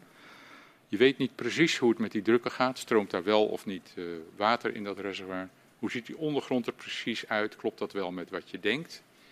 Ik ben op een gegeven moment bij Shell ben ik, uh, me bezig gaan houden met 4D-seismiek. Dat is een techniek waarbij je als het ware met akoestische golven foto's maakt van de ondergrond. Kwam pas op zo rond 2000, 2002, die periode. En dan kun je echt kijken in de ondergrond, wat gebeurt er nou? Dat was toen nieuw. Je hebt dan allerlei modellen en inmiddels werd er bij Shell heel veel met scenario's gewerkt. Dus werd er voor een veld in Noorwegen bijvoorbeeld gedacht, nou misschien gebeurt er dit in de ondergrond. Dit, en nou een extreem scenario, dat zou ook nog kunnen gebeuren. En dan is het mooie, dan kun je zo'n foto nemen en kijken wat er gebeurt. En dan bleek het daar te zijn.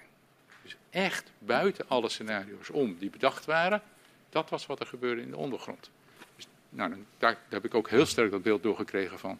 Die modellen die zijn echt beperkt. En Groningen is natuurlijk wel op zich een veld waar je heel veel putten hebt en heel veel metingen en noem maar op. Maar desondanks, die onzekerheden zijn groot. Ja. Ja. Hoe gingen NAM en Shell om met de onzekerheden in de voorspelling van Ja, dat is ook een proces in de, in de tijd geweest. Ik bedoel, ik denk het scenario denk is iets wat binnen Shell eigenlijk al lang bestaat. Hè, dat wordt op allerlei manieren gebruikt de introductie daarvan uh, binnen de olie- en gaswinning is, is, is, is ook al wel vrij snel gekomen, denk ik eerlijk gezegd.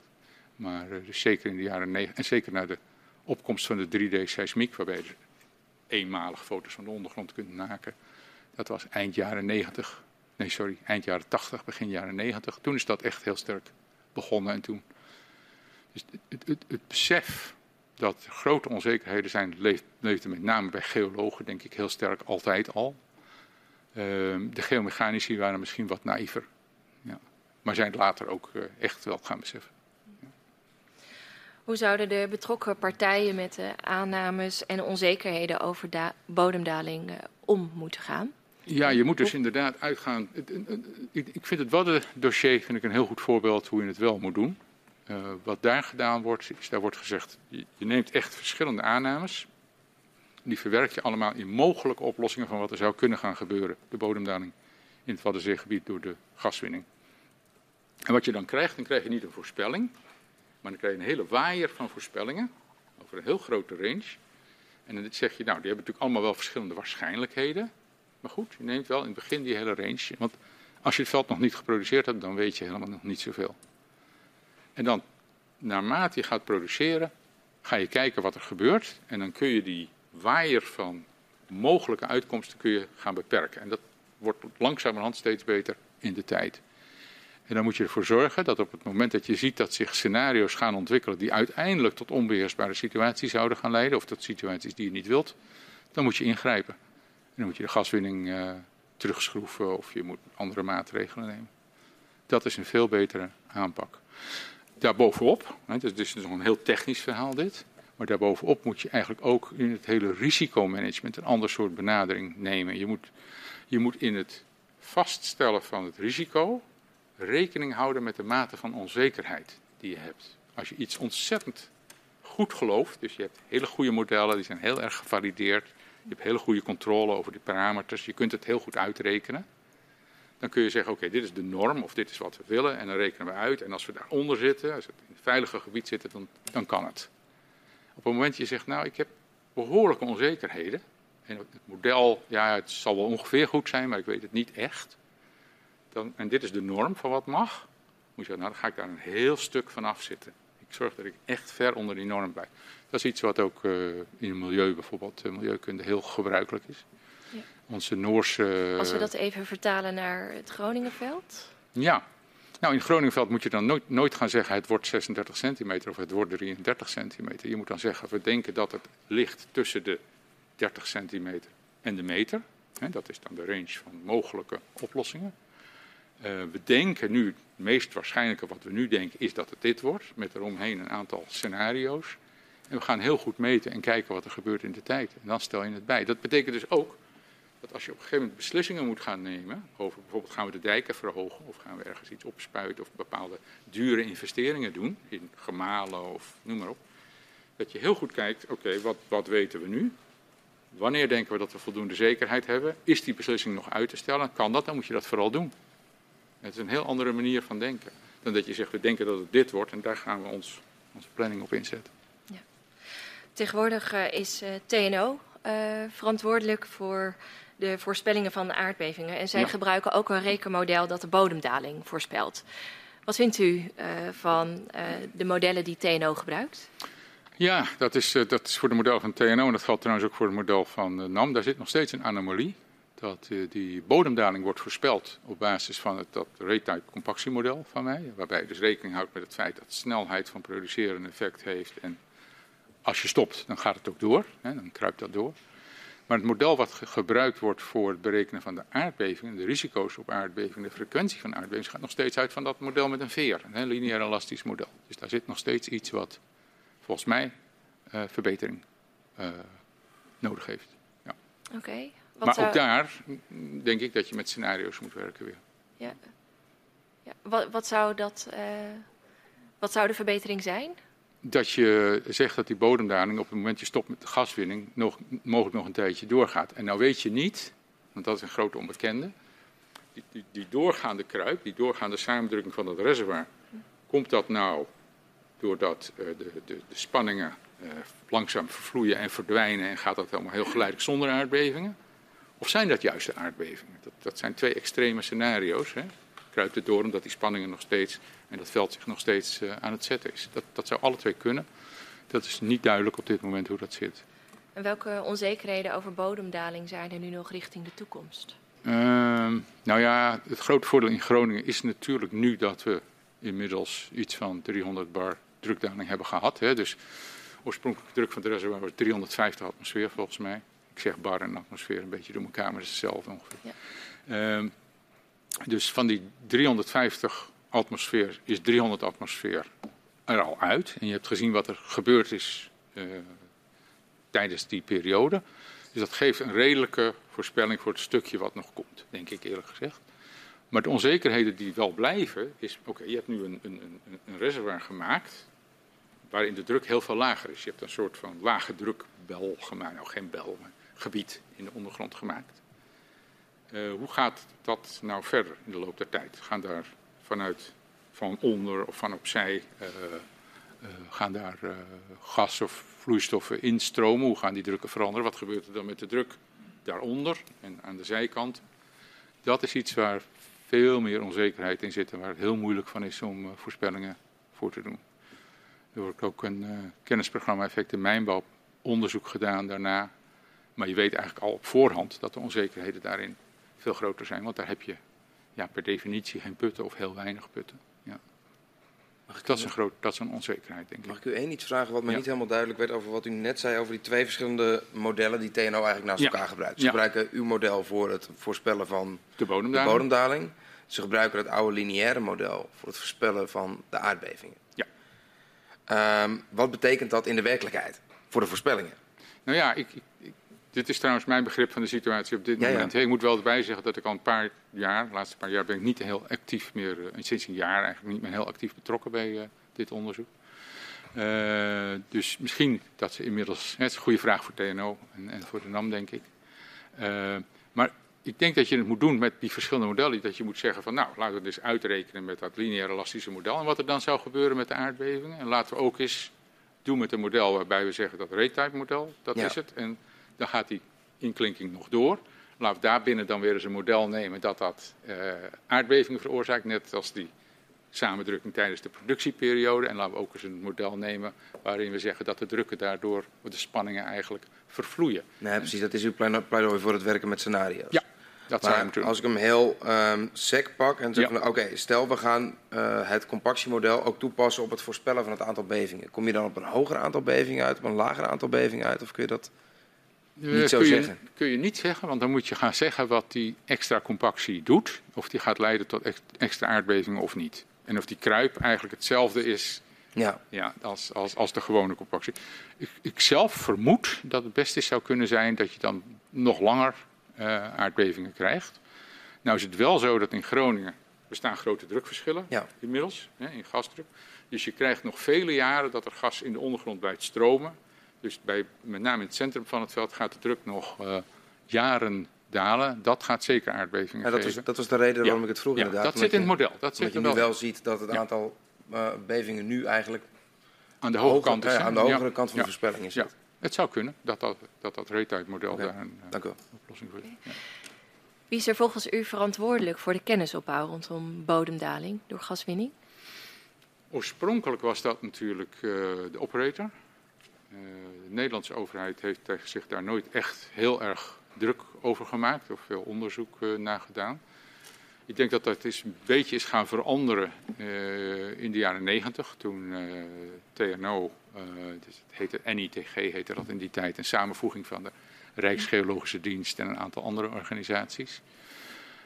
die zijn toen wel expertise gaan ontwikkelen, waarmee ze zelf ook onafhankelijk dit soort berekeningen kunnen doen. Dus een soort van, ja, dat heet de adviesgroep Economische Zaken, AGE een soort uh, oliemaatschappij zonder olie- en gasvelden als het ware. Ze hebben dus veel van die expertise op dat gebied opgebouwd.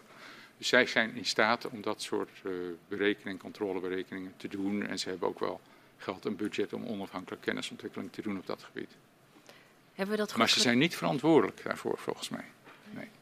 Vindt u dat het zo goed geregeld is uh, in Nederland? Of hoe zou u dat nou, het willen heeft, zien? Het heeft mij altijd bijzonder verbaasd hoeveel mensen en middelen beschikbaar waren in Nederland om de risico's en ook het hele beheer van het olie- en gasgebeuren in Nederland te begeleiden, te sturen, noem maar op. Zeker op technisch gebied. Hoeveel waren dat er?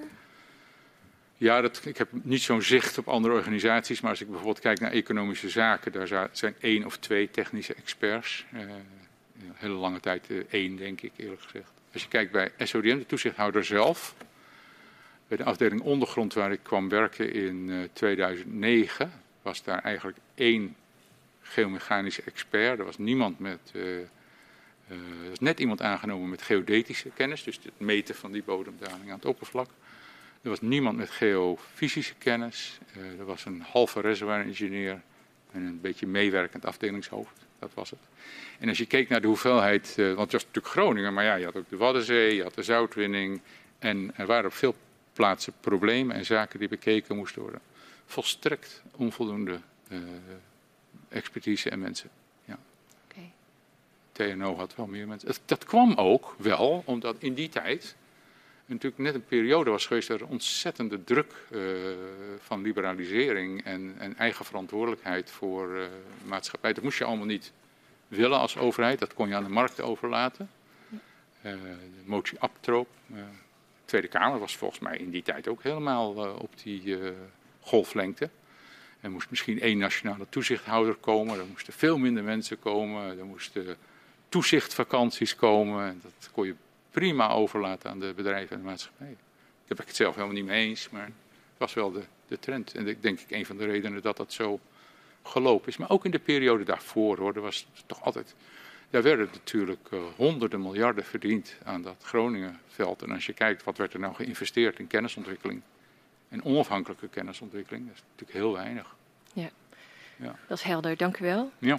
We gaan even kort uh, schorsen. We zijn al uh, ja. vijf kwartier ruim bezig.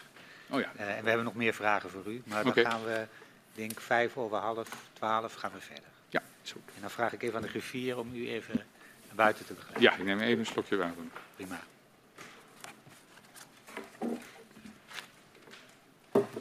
Kan ik dit hier laten? Ja, ja dat is goed. Ja. ja.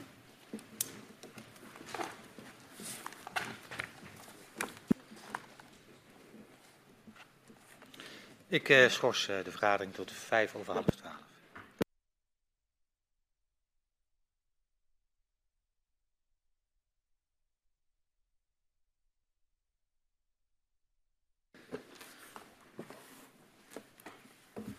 Ik heropen de vergadering van de parlementaire enquêtecommissie aardgaswinning Groningen. We hadden even geschorst in het voor met de, heer De Waal. En ik uh, verzoek de griffier wederom om hem opnieuw uh, uit te nodigen om voor ons plaats te nemen.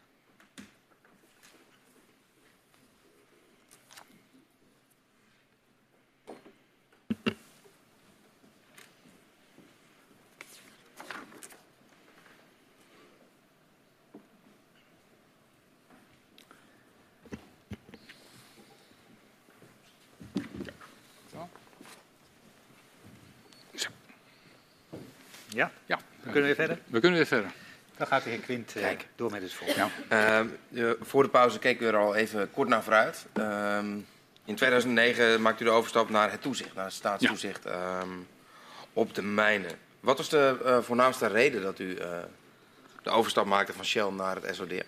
Ehm, ik ging met Shell, bij Shell met pensioen, met vroeg pensioen. de reden daarvoor was de grote financiële crisis van 2007, 2008. Uh, ja, ik dacht eigenlijk, nou dan ga ik met pensioen. Ja, oké. Maar toen uh, zag ik op een gegeven moment, was vrij laat zelfs al, uh, advertentie voor een baan bij Staatstoezicht op de Mijnen. En, maar die was al van augustus het jaar daarvoor of zo. en toen dacht ik, nou, ga toch eens bellen. Want ik, ja, op zich had ik geen bezwaar. Ik had eigenlijk nog wel zin om wat te doen, eigenlijk, eerlijk gezegd.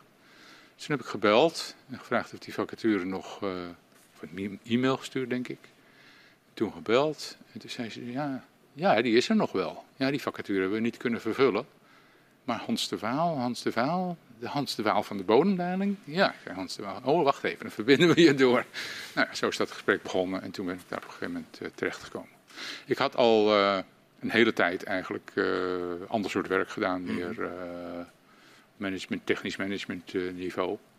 maar ik vond het nog altijd leuk. Ik had die bodemdaling altijd nog heel actief uh, gevolgd. Uh, ik had bij Shell ook wel banen gedaan die wat op intern toezicht uh, leken op werkmaatschappijen. Dus ik was snel aangenomen eigenlijk toen ik daar kwam. Hoe werd er vanuit Shell um, naar het externe toezicht, naar SODM als toezichthouder gekeken? Heb ik nooit zo heel veel van gezien, eerlijk gezegd. ik heb nooit contacten gehad met SODM in de tijd dat ik bij Shell werkte collega van mij, Bob Smits, die had wel zo nu en dan uh, wat contacten met Putgens. Dat was veel eerder, hè? dat was in ja. de jaren 80, denk ik, 90 denk ik of zo. Nou, die was altijd onder de indruk van de expertise van met name de heer Putgens. Verder eigenlijk. En wat, uh, want u, u, komt dan uh, terecht bij de afdeling geoengineering? Ja, dat heette met een mooi woord geoengineering, tegenwoordig ondergrond. Ja. ja. Dat, dat is meteen al in, in, het kort een antwoord op mijn vraag. Namelijk, ja. wat, is dat, wat is dat precies? Ja, geoengineering zijn de mensen die inderdaad kijken naar de, de, de ondergrond. En dan uh, met name naar de, in, de, in de winningsplannen, naar uh, wat er in de winningsplannen voorgesteld wordt over uh, de manier van winnen. Maar met name ligt de nadruk onder de mijnbouwwet ook natuurlijk op de bodemdaling. Wat, wat trof u aan op die afdeling? Hoe groot is zo'n afdeling? Wat... Ja, piepklein. Ja, echt heel klein. Ik vond het heel klein. Het was, uh, ik kwam even al te sprake voor de pauze. Ja. Uh, inhoudelijk werkten daar een, paar mensen. Uh, er was een parttime jurist, een parttime reservoir engineer. Hans Roest zat daar als geomechanicus. Er was iemand geweest die had naar bodemdaling gekeken. Die was al een jaar weg of zo. die kende ik ook nog wel uit mijn Shell-tijd en uit de tijd daarna. Toine Ducanois. Ehm, er lag een gigantische stapel aan dossiers en uh, aan problemen en aan werk. En, uh, maar als je Eén zegt, geo, één geomechanicus? Eén geomechanicus, ja. ja. Uh, dus dat kon eigenlijk helemaal niet. Nee, dat, dat, dat, dat is niet te behappen. Er was onvoldoende tijd, denk ik, om op een kwantitatief en kwalitatief afdoende manier uh, toezicht uit te oefenen. Want als je, wat was nou de rol hè, van, die, van die afdeling geoengineering? Die was natuurlijk om op het moment dat de mijnbouwondernemingen nieuwe winningsplannen indienden, dat moest hè, onder de mijnbouwwet, daar, daar, zeggen ze dan in hoe ze dat veld willen gaan ontwikkelen, doen ze ook voorspellingen over eh, de bodemdaling en uh, de, de seismiciteit. Daar werd advies van verwacht door uh, de afdeling ondergrond, speelde daar een hele belangrijke rol in. En vervolgens, als zo'n veld dan ontwikkeld wordt, meekijken, meelopen, kijken of het wel gebeurt zoals voorspeld, of die bodemdaling zich wel ontwikkelt zoals voorspeld voor andere problemen optreden. Dat was de rol. Uh, nou is het Groningenveld heel groot, maar er zijn nog tientallen, honderden andere gasvelden die. Uh, ja, in Nederland zo'n honderd uh, olie- en gasvelden. Ja. ja. En, met, en, dat moet u dan samen met Hans Roest doen. monitoren. Ja, nou is het natuurlijk wel zo dat er zijn heel veel hele kleine veldjes en die zijn offshore en daar spelen geen problemen. Dus dat, als je nou zegt, uh, tel het eens op en heb, ik heb het op zich gedaan, ik heb het op een rij gezet wat er in die tijd speelde aan problemen, eh, gevallen of dingen die, die veel aandacht uh, vereisten. Dan kom je al heel makkelijk aan iets van 10, 15 uh, onderwerpen die, die echt veel tijd nodig hadden. Dat was de, de, de, de Waddenzee, ja. winningsplannen. Daar, was, daar waren problemen nog van de oude kolenwinning in, in, in Limburg, waar instortingen optraden. Er waren problemen met de zoutwinning. Uh, verschillende soorten zoutwinningen ook. De ondiepe zoutwinning, de diepe zoutwinning. Ja, er was een gasveld wat veel harder zakte dan uh, voorspeld was. Wat inmiddels, uh, toen ik daar kwam, al stilgelegd was. Maar dat moest gekeken worden wat daar nou toch de verklaring voor kon zijn. Nou, daar heb ik zelf nog aanvankelijk veel aan gewerkt. Ja. Er waren gasopslagen in zoutkoepels ja. waar over geadviseerd moet. Nou ja, eindeloze lijst. In als u een inschatting moet maken, um, hoe, um, welk percentage van de werkzaamheden ging over het veld in Groningen?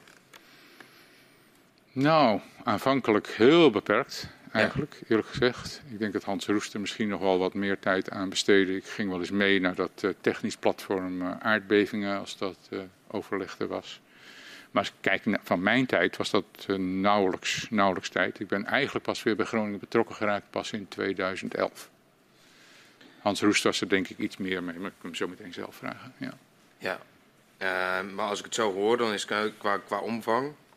was er relatief weinig ruimte voor u en uw collega's om eigen onderzoek te doen. Dat was afhankelijk van wat u aangeleverd kreeg. Ja, en dat werden we ook niet zo geacht te doen. Hè? Eigen onderzoek was natuurlijk ook niet de rol van uh, SODM. SODM kon natuurlijk uh, wel externe adviseurs inschakelen. Met name TNO, de afdeling AGE die hadden veel expertise. Dat was ook een uh, goede club mensen. Daar, dat is denk ik wel de concentratie van mensen bij de semi-overheid, overheid met de, met de meeste ja. expertise op dit gebied. Die hadden ook een, een behoorlijk aantal mensen. En waren goede mensen, vond ik. Ja. U, u, zegt het al, naast het staatstoezicht op de mijnen zijn er in Nederland kennisinstellingen die onderzoek uh, doen ja. naar de risico's van gaswinning, zoals ja. KNMI en TNO. Uh, wat zijn de verschillen in taken en verantwoordelijkheden tussen staatstoezicht en het KNMI bij het inschatten van de risico's bij gaswinning? Ja, nou, SODM had helemaal geen expertise op het gebied van seismiciteit in huis, had ook geen geofysici in huis. Ik weet dat Jan de Jong, uh, de toenmalige IGM van SODM, heeft gevraagd om uh, extra formatie, dat, dat hij één of twee geofysici in dienst mocht nemen omdat dat zo'n prominente plaats had gekregen in de nieuwe gas uh, of in de nieuwe uh, mijnbouwwet in 2003. Dat is toen niet toegestaan en hem is toen verteld dat hij daarvoor bij het KNMI moest zijn voor die expertise. Dat hij daar gebruik van moest maken. Maar ook als je naar KNMI kijkt, dat is eigenlijk ook een heel klein clubje mensen die zich daar bezighielden met die seismiciteit. Okay. beantwoord dat de vraag? Um, ja, in, in die zin, uh, u zegt er waren er niet zo, niet zo veel bij het SODM, maar uh, waar zit nou het verschil in taken en verantwoordelijkheid tussen ah, het, ja, SODM het en KNMI? Ja, ja. Nou, SODM is natuurlijk de toezichthouder. KNMI is geen toezichthouder. SODM houdt ook geen toezicht op KNMI of zo, of op TNO. Dat staat allemaal los. Dus de taak van uh, SODM is met name gericht om te kijken of die olie- en gaswinning en zoutwinning in Nederland, en kolenwinning of de na-eilende effecten daarvan, of dat veilig is. Het gaat met name bij SODM om de veiligheid. Ja. Mm. Dat is de hoofdtaak. TNO heeft een, een grotere taak, adviseert ook uh, economische zaken uh, en, en, en, kan ook iets vinden van uh, allerlei andere zaken, maar zijn niet verantwoordelijk voor de veiligheid op zich. Geldt ook voor KNMI, hoewel je zou kunnen zeggen dat die seismiciteit natuurlijk toch een sterke risicocomponent heeft. Uh, maar ik, als je daarnaar kijkt, het punt is ook dat niemand dacht dat er een veiligheidsrisico was in die tijd. Hè. Dat is heel lang zo gebleven. Tot na Huizingen eigenlijk was iedereen ervan overtuigd dat er geen risico was. Dat is misschien ook een deel de verklaring voor het feit waarom er zo weinig mensen en middelen opgezet werden. Maar ja, dat is toch ook een soort vicieuze cirkel natuurlijk. Want daardoor kom je er natuurlijk ook niet achter dat het anders zit. Ja.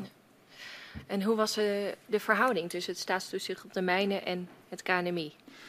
Het KNMI, nou, voor een deel heb ik dat uit horen zeggen. Ja, ik, ik, ik, weet dat uh, eh, SODM al uh, zo rond 2006, 2007 zich zorgen begon te maken over de aardbeving in het Groningenveld die leken toe te nemen, die leken zich ook te concentreren in uh, bepaalde gebieden. Dat was al bij de winningsplan 2007 wat de NAM had ingediend dat SODM daar vragen bij had of over had.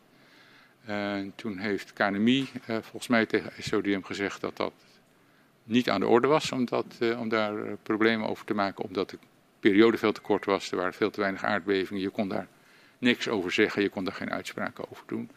En ze vonden ook dat dat hun expertise was. Eh, SODM moest dat niet, nou moest er eigenlijk niet, niet zelf iets van vinden, moest gewoon de, de mening van KNMI gebruiken. Wat ook gebeurd is trouwens uiteindelijk. Ja.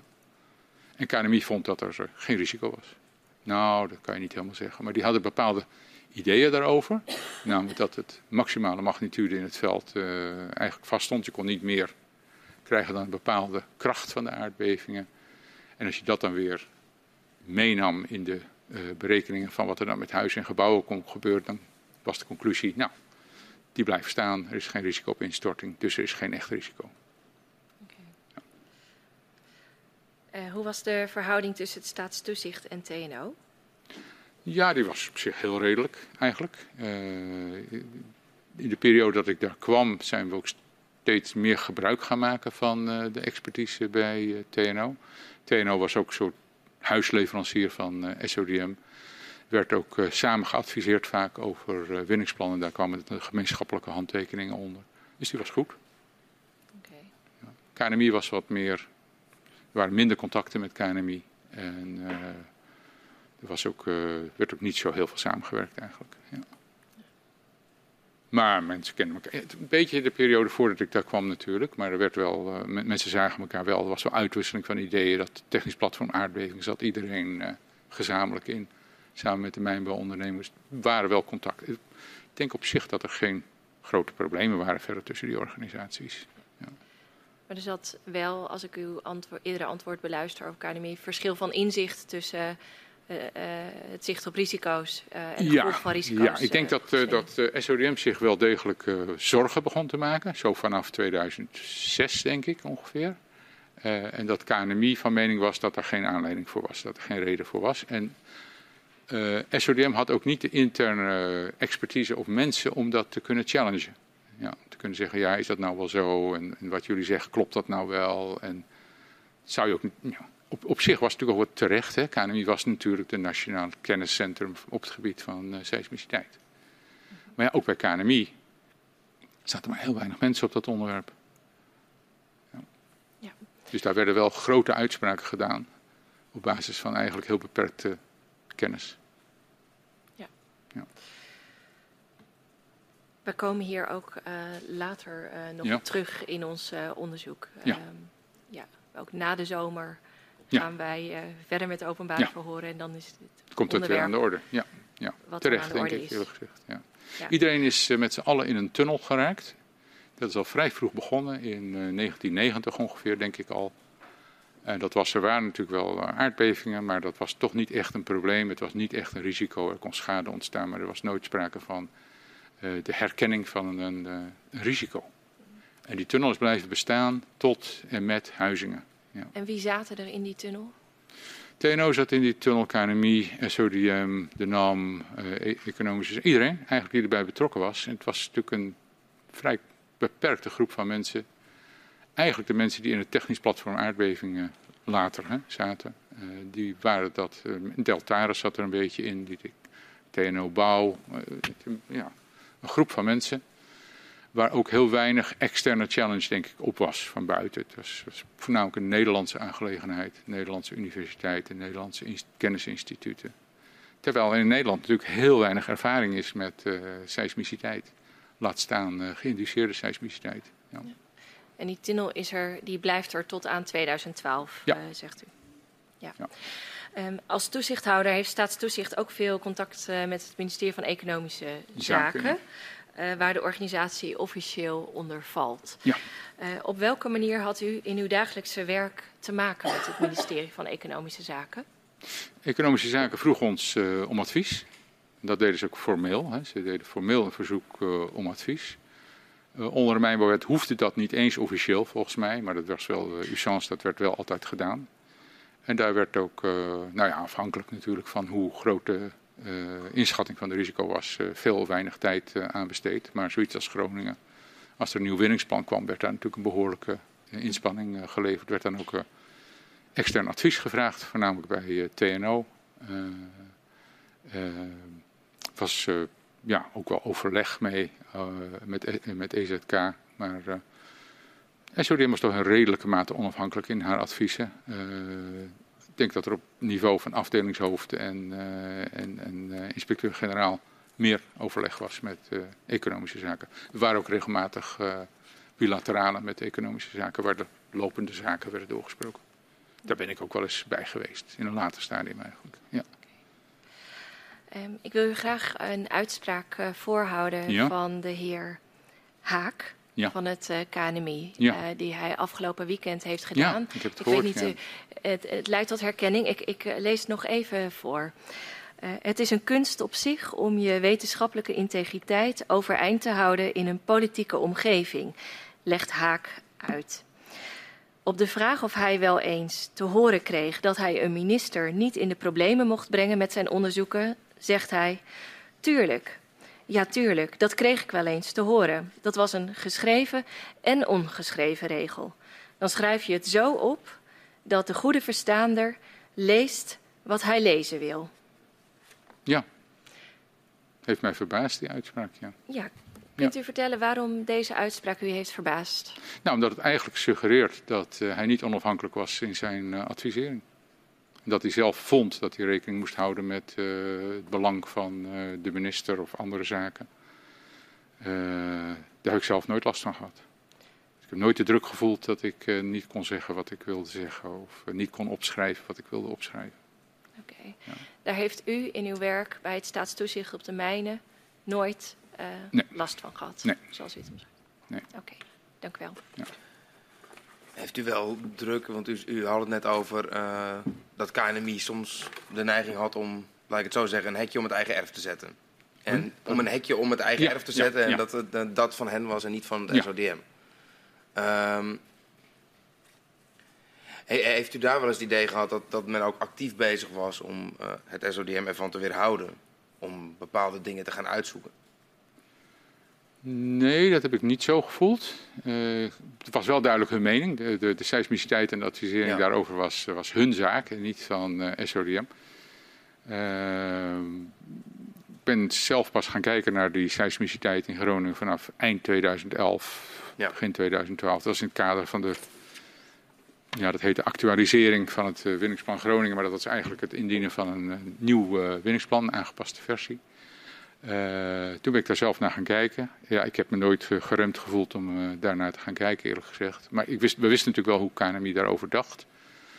Op een gegeven moment, na die huizingenbeving, zijn wij zelf uh, verder analyses gaan doen. Uh, en de resultaten daarvan gaven eigenlijk aan dat dat tot dan toe gedacht werd dat dat waarschijnlijk niet waar was. Ja. Daar hebben we toen uh, wel met KNMI al vrij snel over gesproken.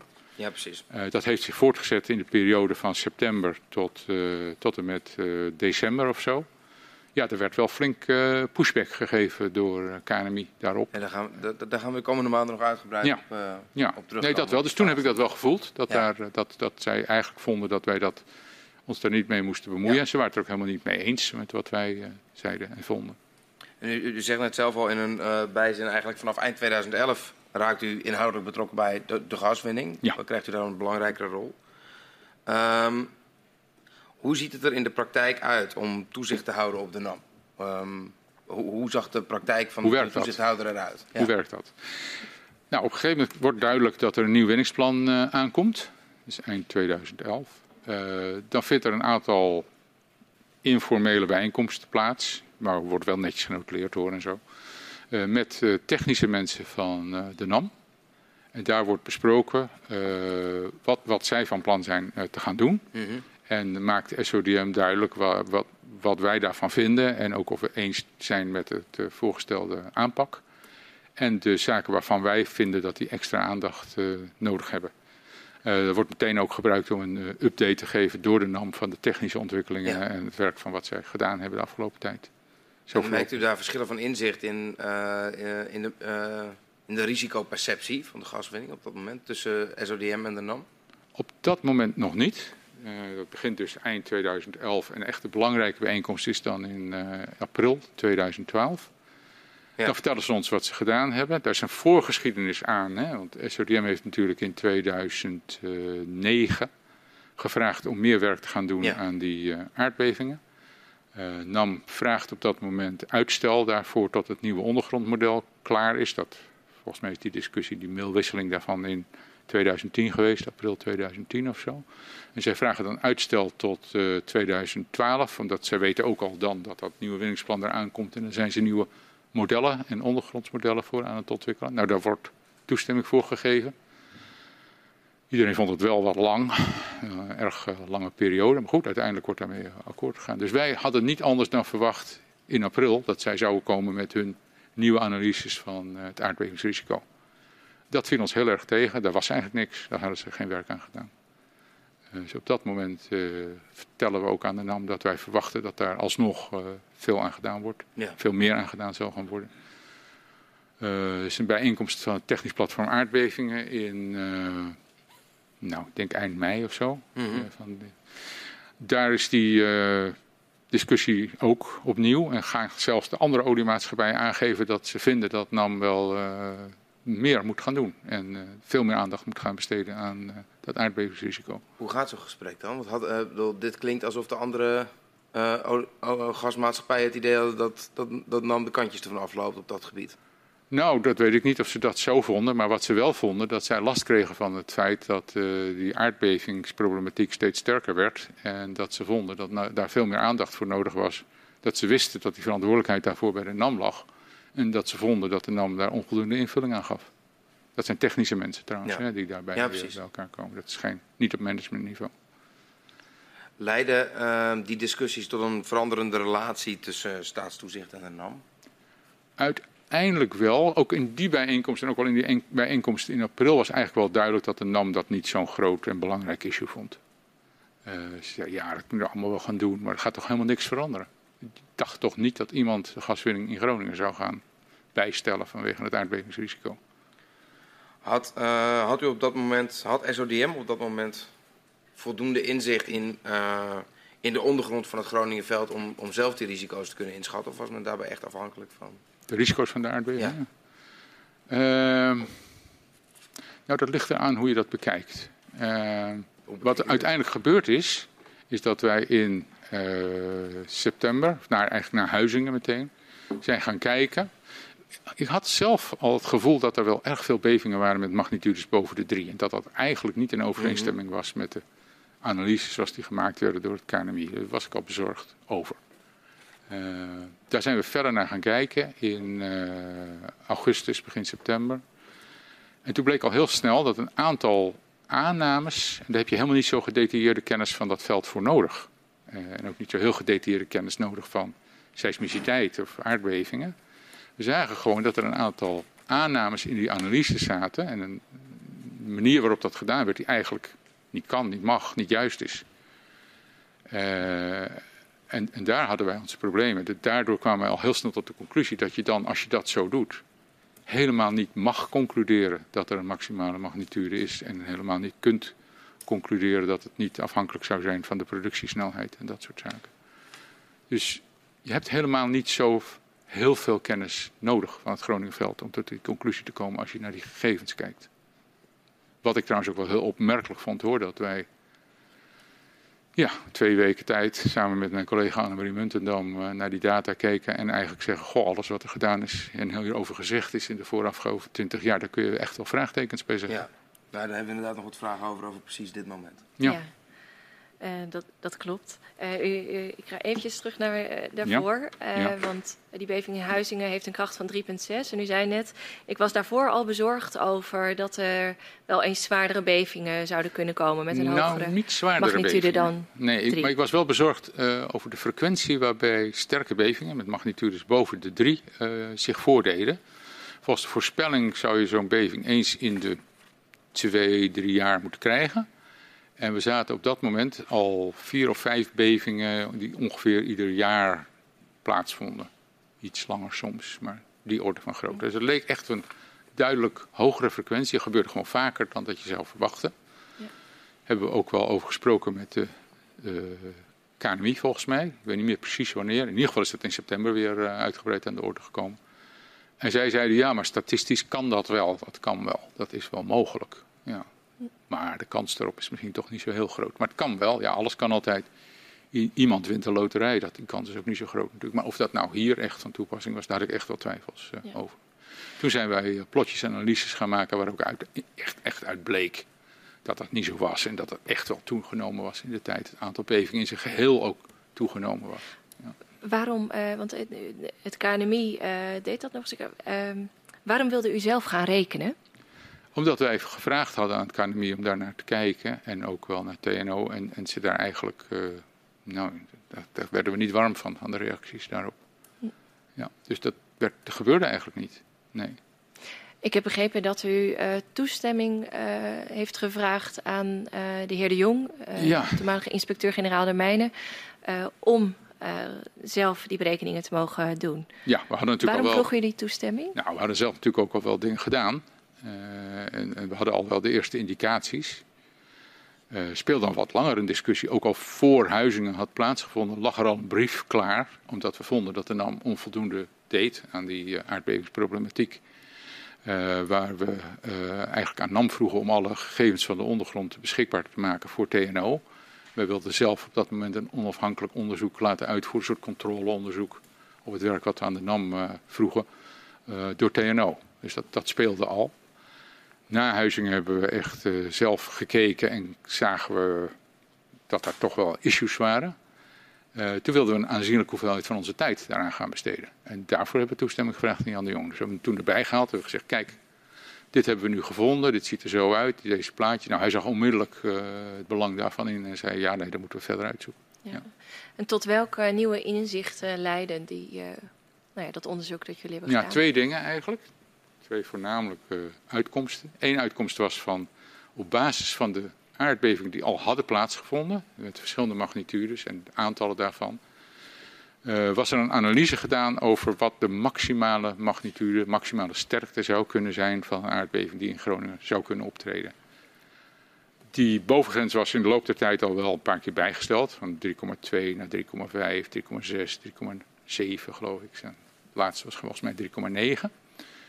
Nou, dat is toch wel een redelijke bijstelling hoor, want één punt magnitude is 30 keer zoveel energie die vrijkomt, dus dat is ook weer niet niks. Maar, de overtuiging was toch, dat is, daar is een bovengrens. En in 3,9 was al een extra marge meegenomen, dus dat was echt wel een veilige bovengrens. Wij kwamen erachter dat die analyse gedaan was op een manier die niet valide was. En dat je, als je dat deed op de manier die wel valide was, op de goede manier, dat je dan eigenlijk op basis van die aardbevingsdata niks kon zeggen over een bovengrens. Dus dat is een belangrijke uitkomst. tweede uitkomst is dat we gekeken hadden naar de productiesnelheden in het veld. Dus de hoeveelheid gas die er per jaar uitgehaald wordt en het optreden van aardbevingen.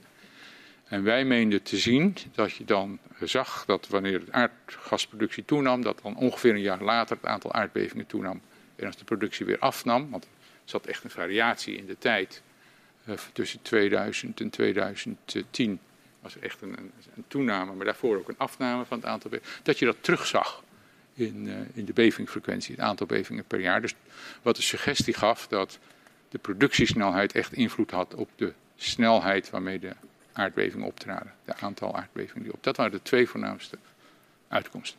Even in mijn woorden. Dus, uh, de mhm. eerste bevinding was: je kan niet zeggen over de bovengrens. Op basis van de aardbevingsdata die er geweest zijn, ja. ja. En het tweede is: hoe sneller we gas winnen, hoe steviger Groningen beeft. Ja, hoe vaker het beeft. Als je, als je twee keer zo. Nou, de suggestie was: als je de gasproductie verdubbelt, dan krijg je een jaar later verdubbeld het aantal bevingen. Hoe lukt het op zo'n korte termijn tot die inzichten te komen? Ja, dat was niet zo moeilijk. Het was gewoon een kwestie van die, die data hadden we natuurlijk. We hadden de productiedata, we hadden natuurlijk het aantal aardbevingen. Dat is een kwestie van uh, wat uh, plotjes uh, maken, Excel-spreadsheetjes en dan heb je dat. je kunt ook verschillende periodes bekijken. de analyse die de KNMI gedaan had, kun je ook herhalen voor verschillende periodes. En dan blijkt dat daar verschillende uitkomsten uitkomen. Nou, dat is al vreemd natuurlijk. Het was wel zo dat we inmiddels waren in Groningen natuurlijk wat meer bevingsdata. Het KNMI tot dan gedaan had, dus ze hadden data van allerlei verschillende velden in Nederland gecombineerd en in één uh, analyse gestopt. Ja, dat mag niet. Dat kun, je, dat kun je eigenlijk niet doen. En hun rechtvaardiging daarvoor was, ja, maar dan hebben we onvoldoende data om, om een analyse te kunnen maken. En het antwoord daarop is natuurlijk, dan moet je die analyse niet maken. Niet, dan doen we het maar op de manier waarop het niet goed is.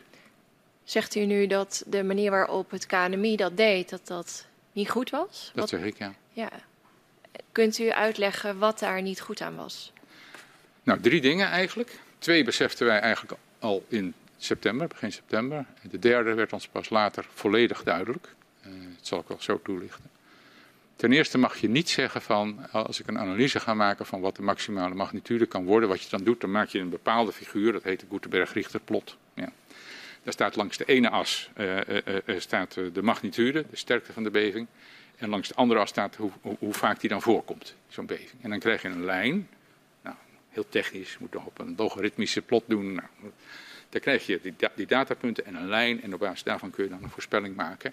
En, en het KNMI dacht te zien dat je, die, dat je dan een, lijn had. En dan boven een bepaalde magnitude werd de kans nul op zo'n beving. Dus dan zeg je, nou, deze magnitudes, daarboven, die kans, die is er eigenlijk niet meer. Uh, dat mag je niet, dat moet je dan doen op, de, op, op, basis van de data van dat veld, waarvoor je dat probeert te voorspellen. Maar er waren natuurlijk relatief weinig bevingen op dat moment nog uh, in Groningen.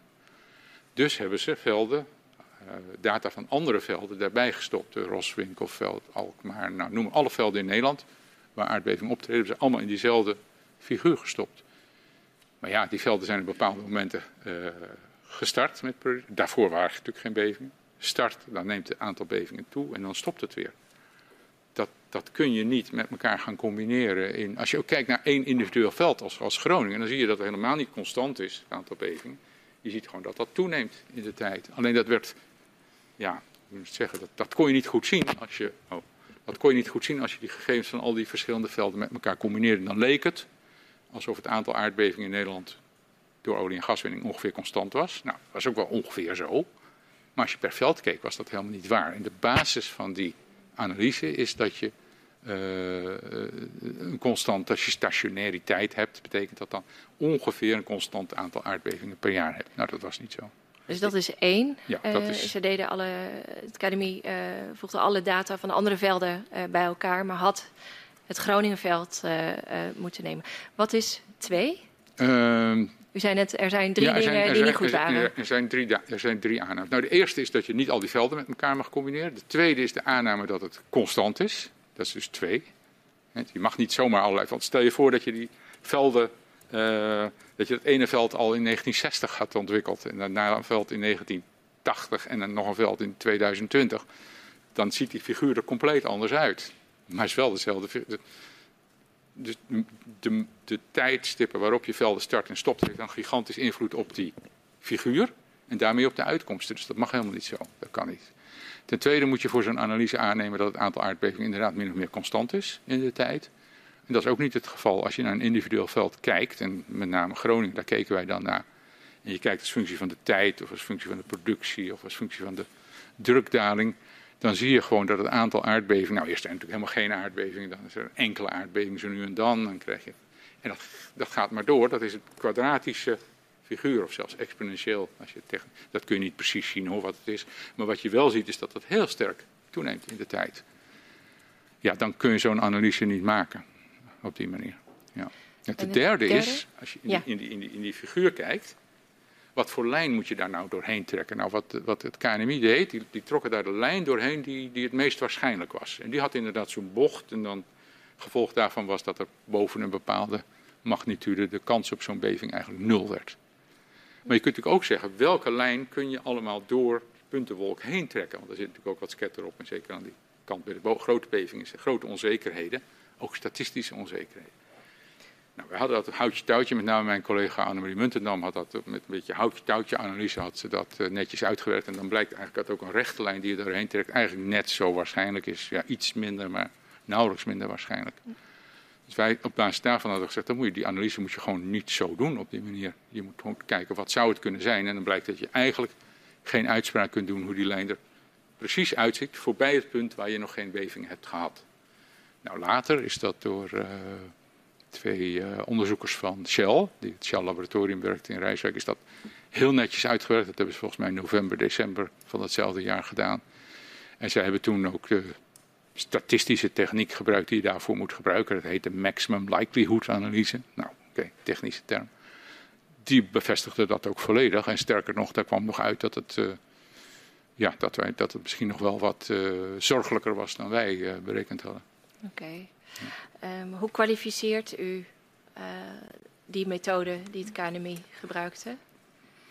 Ja, ik denk dat ze dat in alle. Uh, vermoed dat ze dat in alle eerlijkheid uh, dachten dat dat de beste manier was waarop je dat zo moest doen. Maar ik heb ze ook nooit. nou, ze, ze, ze, hebben oorspronkelijk ook, als je kijkt, het is op een gegeven moment gepubliceerd. Hè, in 2006 hebben ze dat in een, in, een, wetenschappelijk blad gepubliceerd. Op basis van een intern rapport uit 2004 daar geven ze ook allemaal netjes aan. Uh, dat was van Eck, was de hoofdauteur van dat artikel. Van nou, we maken deze en deze aannames. Dat mag eigenlijk niet, maar dat doen we toch. En, uh, daar staat dan uiteindelijk ook wel als conclusie, nou de bovengrens zou dan zo en zoveel zijn. Maar er staat ook wel in deze analyse, door de aannames die we maken, kent natuurlijk grote onzekerheden, dat staat daar wel netjes in. Dat is volgens mij later uit beeld geraakt. Dat is min of meer vergeten. Ja, en het, het feit dat er een bovengrens was aan die beving is wel heel hard gecommuniceerd steeds. Dat hadden ze niet moeten doen. Dat hadden ze niet moeten doen, nee. nee. Is ook wel verbazingwekkend. Het is uiteindelijk natuurlijk gepubliceerd in een peer-reviewed wetenschappelijk artikel. Uh, ja, daar hebben ze blijkbaar ook geen sterke kritiek op gehad. Ja. ja. Ik weet ook niet, ik, volgens mij, voor zover mij bekend, is ook niet aan buitenlandse instituten, waar wel veel ervaring was met uh, aardbeving, bijvoorbeeld in Italië of Amerika, gevraagd uh, wat men van die analysetechniek vond ja, of Zwitserland. Of, later is dat wel gebeurd. Ja. Oké, okay. dank u wel. Maken we even een, een sprong in de tijd. Is, uh, uh, is het nu beter? Is de huidige stand van de kennisontwikkeling over, uh, over de ondergrond, is dat beter? Ja, nou ondergrond moet je denk ik specificeren naar uh, geïnduceerde seismiciteit. Hè? Dus aardbeving door uh, ja. gasproductie. Ja, dat is heel veel beter. Dus uh, echt naar die, naar die beving in Huizingen. En naar dat advies van SODM om die gasproductie terug te brengen heeft de minister dat natuurlijk niet gedaan, maar hij heeft wel gestart met dat uh, onderzoeksprogramma, die 11 of 14 ja. onderzoeken. Daarna is ook nog het kennisprogramma Effecten Mijnbouw uh, opgestart. NAM heeft een heel groot uh, studie- en data-acquisitieprogramma opgestart. Dat is echt indrukwekkend wat daar gedaan is. Het is een indrukwekkende hoeveelheid kennisontwikkeling. Dat is ontzettend veel beter nu, ja. En toch zijn de onzekerheden nog steeds groot. Dat blijft. Maar je zou zelfs kunnen zeggen dat het, het, groeiende besef over de onzekerheid misschien ook wel leidt tot. Nou, misschien voor een deel ja. ook wel uit, die, uit, die, ja, uit, uit dat werk gekomen, het besef uh, hoe groot die onzekerheden zijn, ja. En we zien nu uh, in, uh, in de media, mede door, door invloed van de gasprijzen van de oorlog in Oekraïne, dat er een discussie wordt gevoerd over het mogelijk langer openhouden van, van het Groningenveld. Kunt u ons uh, meenemen in wat volgens u de consequenties voor de bodem in Groningen zouden zijn, wanneer er toch weer meer gas wordt gevonden? Ja, dan moet ik een beetje voorzichtig zijn, hè, want ik uh, werk uh, al een tijdje niet meer. Ik ben in 2016, 17 ben ik weggegaan met de afdeling ondergrond ander werk gaan doen bij Staatstoezicht. Dus ik ben niet helemaal op de hoogte van de laatste ontwikkelingen. Uh, maar er zijn twee dingen. Uh, als je die risico's uh, acceptabel wilt hebben, dan moet je dus echt aan de norm voldoen. En ook gegeven die onzekerheden moet je aanzienlijk onder die norm uh, gaan zitten. Dat is de, de, aanpak die je moet nemen. Kun je twee dingen doen. Je kunt die productie terugbrengen. Uiteindelijk is het besloten om dat zelfs te stoppen. Je kunt die versterkingskant van de huizen kun je, heb je ook. Hè. Je kunt de gevolgen aanpakken. Dat heeft in het algemeen natuurlijk bij risicobeheersing niet de voorkeur. Hè. Je wilt de bron aanpakken, niet de gevolgen. Maar goed, dat kun je doen. Ja, ik geloof niet dat we in een situatie zijn waar uh, die versterking zo voortvarend opgepakt is. Of ik weet eigenlijk wel zeker dat dat het geval niet is. Dat uh, dat risico daardoor aanzienlijk teruggebracht is. Dus ja, wat je gaat krijgen is dat die risico's dan uiteindelijk weer omhoog zullen gaan. Ja, hangt dat natuurlijk heel erg af van hoeveel ga je dan produceren en hoe mm. snel. En, maar het is niet veilig. Het is ook nu met de huidige productie. En zelfs als je het veld nu stopt, niet veilig. Ja. En uh, die, nou ja, de, de, mate van veiligheid hangt natuurlijk ook uh, samen met die maximale magnitude waar we het net over hadden. Ja.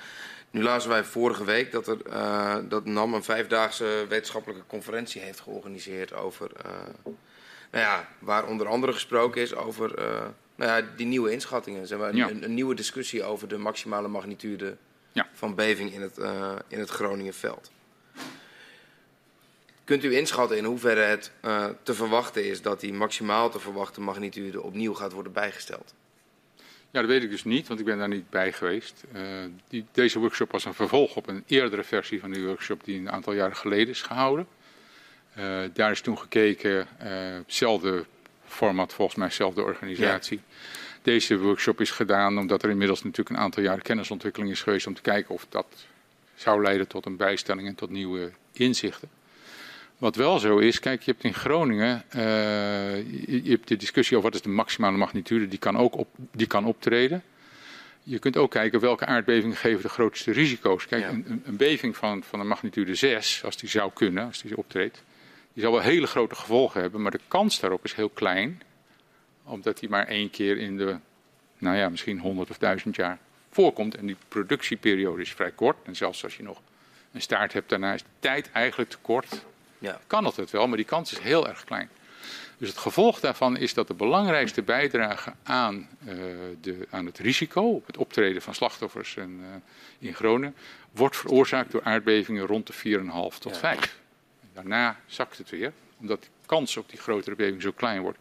Dus Tenzij die workshop tot de conclusie komt van nou, weet je, dat wordt minder dan 4,5, zou ik niet verwachten dat het heel, heel veel invloed zal hebben op de risico's. Maar goed, komen andere mensen later, misschien die wel bij de workshop zijn geweest. Ik weet ook niet of de conclusies van de workshop al bekend zijn. Ik denk het eerlijk gezegd nog niet. Ja. Okay. Uh, als we nu uh, terugkijken en als u terugkijkt ja. uh, op de omgang met de risico's van de gaswinning en welke lessen er dan ook zijn te trekken voor de toekomst. Daar wil ik het nu ja. even met u over hebben. Um, in hoeverre is er volgens u voldoende aandacht geweest voor de risico's van de gaswinning? Niet. Is onvoldoende aandacht geweest. Het is denk ik, uh, voor een deel is dat door die tunnel gekomen natuurlijk. Het is natuurlijk begonnen al in 1990 toen, toen gezegd is door Toxers en Wolfs, nou weet je, die bevingen die gaan waarschijnlijk helemaal niet optreden. En die bodemdaling, er wordt ook allemaal niet zoveel. Dat wordt maar iets van, we gaan weer terug naar het oude scenario, want ja, die, beef, die, die compactie, die samendruk ligt natuurlijk aan de, het is de motor van de, van de aardbevingen. Dus daardoor is op dat moment eigenlijk de zaak een beetje uit zicht verdwenen. Is toen wel die BOA-commissie gekomen, die daarna is gaan kijken in uh, 93 of zo, geloof ik, hè, 94. Dat ze daarna zijn gaan kijken. Maar toen is de tunnel ontstaan, denk ik. En toen is het idee geweest van er is geen risico, er is schade. Die schade moet vergoed worden. Het aantal bevingen viel toen ook nog wel mee. Er waren niet zoveel bevingen.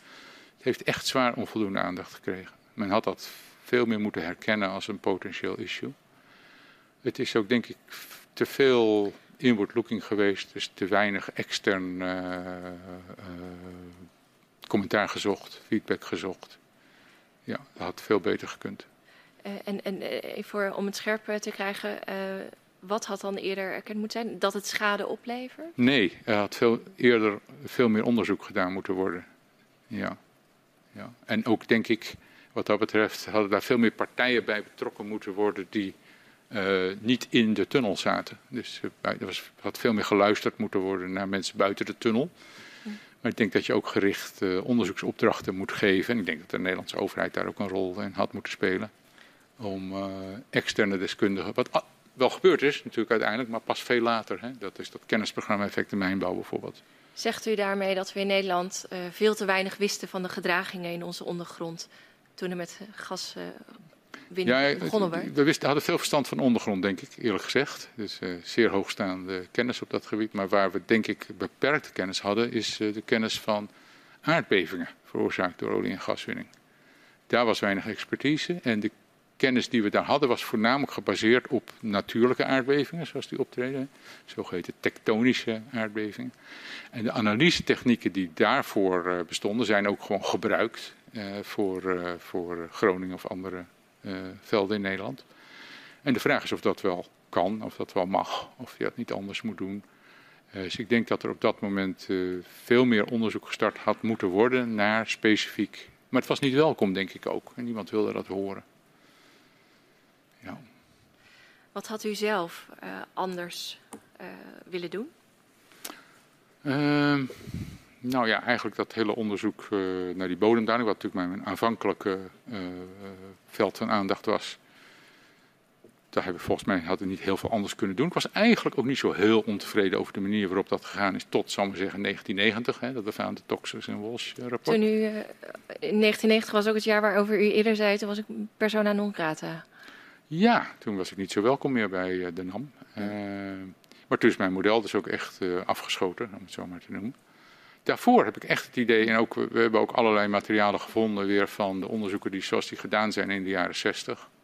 Nou, dat is dan niet extern uh, gepubliceerd, hè. daar is er geen rugbaarheid aangegeven, dat is pas gebeurd in 72 of zo, hè, naar de Kamervragen van Terlouw. Maar als je kijkt naar dat onderzoek en de manier waarop dat gedaan werd, uh, dat, is allemaal, dat, is allemaal, prima, allemaal goed. Er werd veel aandacht aan besteed, veel geld werd eraan besteed, ook aan het opzetten van de monitoring. keurig, zo doe je dat. En en dat je oorspronkelijk in, uh, dat er dan iemand komt die zegt, ja, het wordt misschien toch wel meer, want ik heb lab-experimenten gedaan, enzovoort, enzovoort. Dat je dan toch even zegt, nou, oké. Ik denk dat je er opener over moet zijn. Ik denk wel dat je dat moet gaan communiceren, van het zou toch best toch kunnen dat, enzovoort, enzovoort. Kan ik ook nog wel begrijpen dat je even wacht voor je dat wereldkundig maakt. Maar op een gegeven moment lijkt het erop en dan wordt het ook netjes uh, meegedeeld. Het komt in de publiciteit, het wordt gepubliceerd, kan externe challenge op gedaan worden. Allemaal prima. Wat er dan uh, eind jaren 80 gebeurt met die nieuwe bijstelling en dat onderzoek van Toxus en Walsh, ja, dat is mij niet duidelijk hoe dat heeft kunnen gebeuren. En ook uh, hoe zij tot die conclusie zijn gekomen dat die seismiciteit geen rol zou spelen. Want ja, er staat verder geen woord over in, in dat rapport, alleen die conclusies. Maar ja, dat geldt trouwens ook een beetje voor die bodemdaling. Ze stellen dat, ze poneren dat, maar het wordt verder niet onderbouwd. Ja. Dus daar is iets uh, vreemds gebeurd op dat moment. Ja. En dan krijgen we die tweede periode, dan ben ik er de hele tijd niet bij betrokken, kom ik bij SODM. Ja. Nee, daar heb ik geen spijt van, denk ik eerlijk gezegd, van wat ik het gedaan heb en hoe ik dat uh, gedaan heb in die tijd. Uh, ik denk ook dat we daar Jan de Jong heel dankbaar kunnen zijn dat hij zich echt onafhankelijk opstelde en ons heel goed ondersteund heeft. Daarin, ik geloof ook niet dat we de, daar dingen fout gedaan hebben of zo, of verkeerd gedaan hebben. Uh, wat wel zo is, is dat het natuurlijk op een gegeven moment wel heel lang is gaan duren. Ik bedoel, 2012 vindt Huizingen plaats en nu is het 2022 en het is nog steeds niet veilig. Ja. Heeft staatstoezicht uh, voldoende aandacht gehad ook voor uh, de schades die optreden? Nee, dat denk ik niet. Nee, ik denk dat uh, iedereen vond eigenlijk, nou het was geen risico, het was schade en dat kon vergoed worden. Uh, die schade op de een of andere manier werd dat geaccepteerd. Ik denk als je ergens een fabriek zou starten waarbij je zegt, nou we gaan duizenden huizen beschadigen, maar dan gaan we gewoon betalen hoor.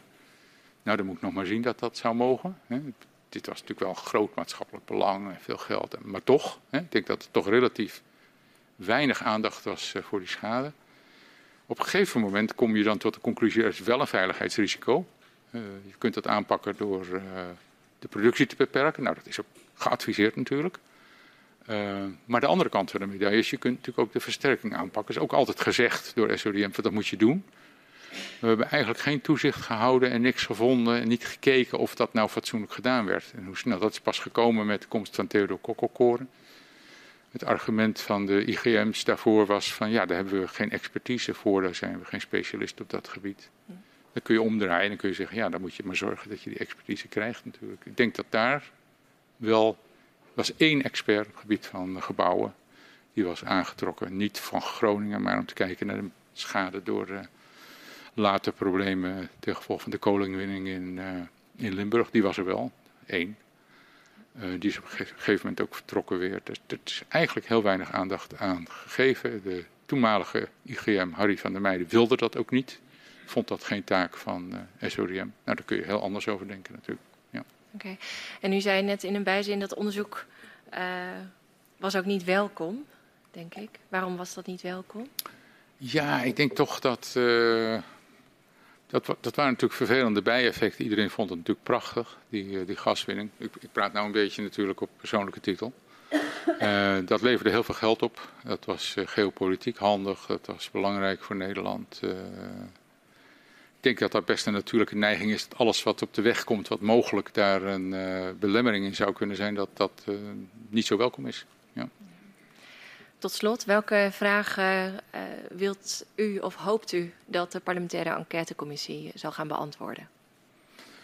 Ja, kijk ook nog even wat ik zelf nog opgeschreven had aan een aantal zaken en of dat inderdaad aan de orde is gekomen.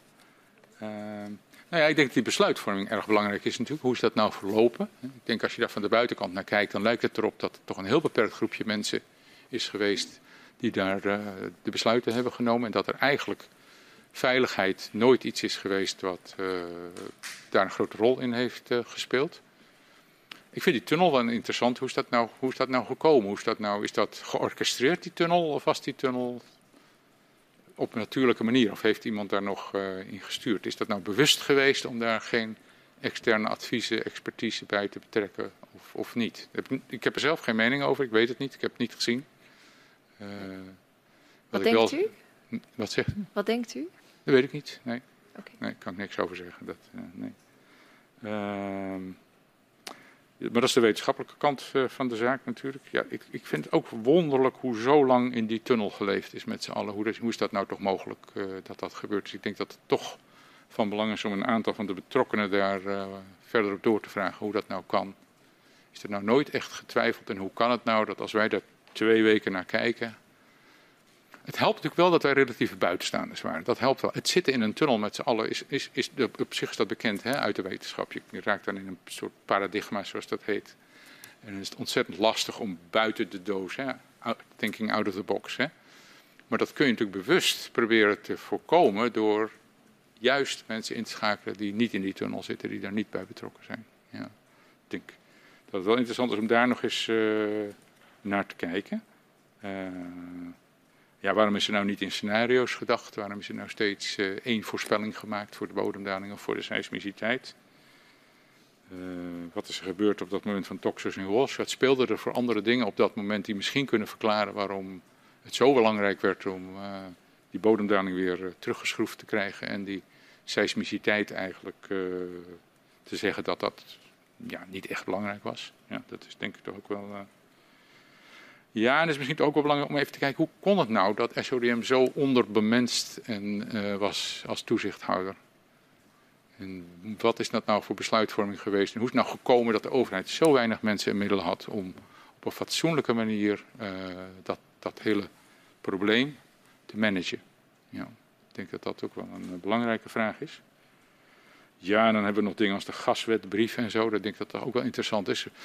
Tot onze verbijstering, kan ik toch eigenlijk wel zeggen, uh, gaf NAM ons in januari 2013 een brief. En die zeiden, maar productievermindering, dat kan helemaal niet, want wij mogen, wij mogen dit produceren. Kijk maar, er kwam een brief tevoorschijn, notabene, van het ministerie van Economische Zaken, die wij niet eens hadden als uh, eh, SODM.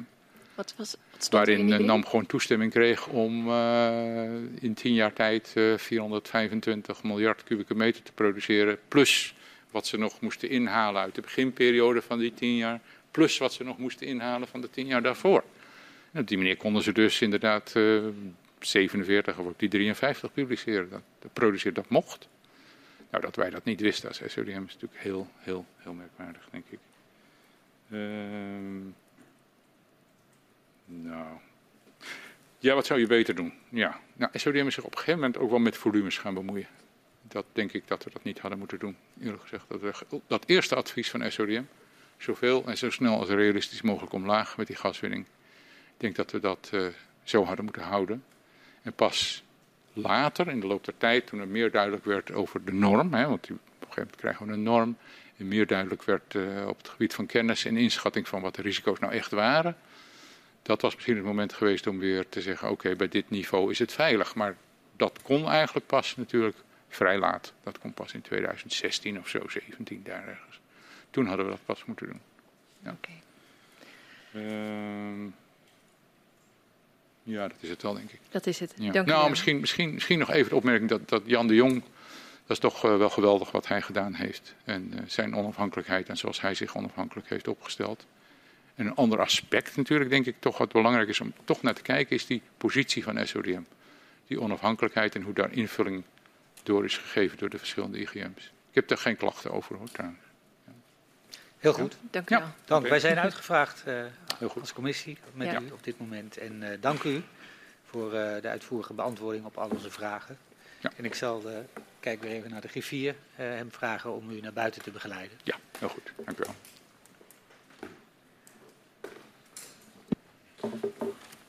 Geldt ook voor de heer Boomsma. Ja, dat zie ik wel.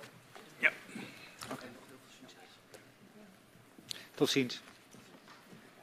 Wij, ik ga de vergadering zo sluiten en wij hervatten uh, de dag met het tweede verhoor uh, om kwart over één. Dan sluit ik nu de vergadering.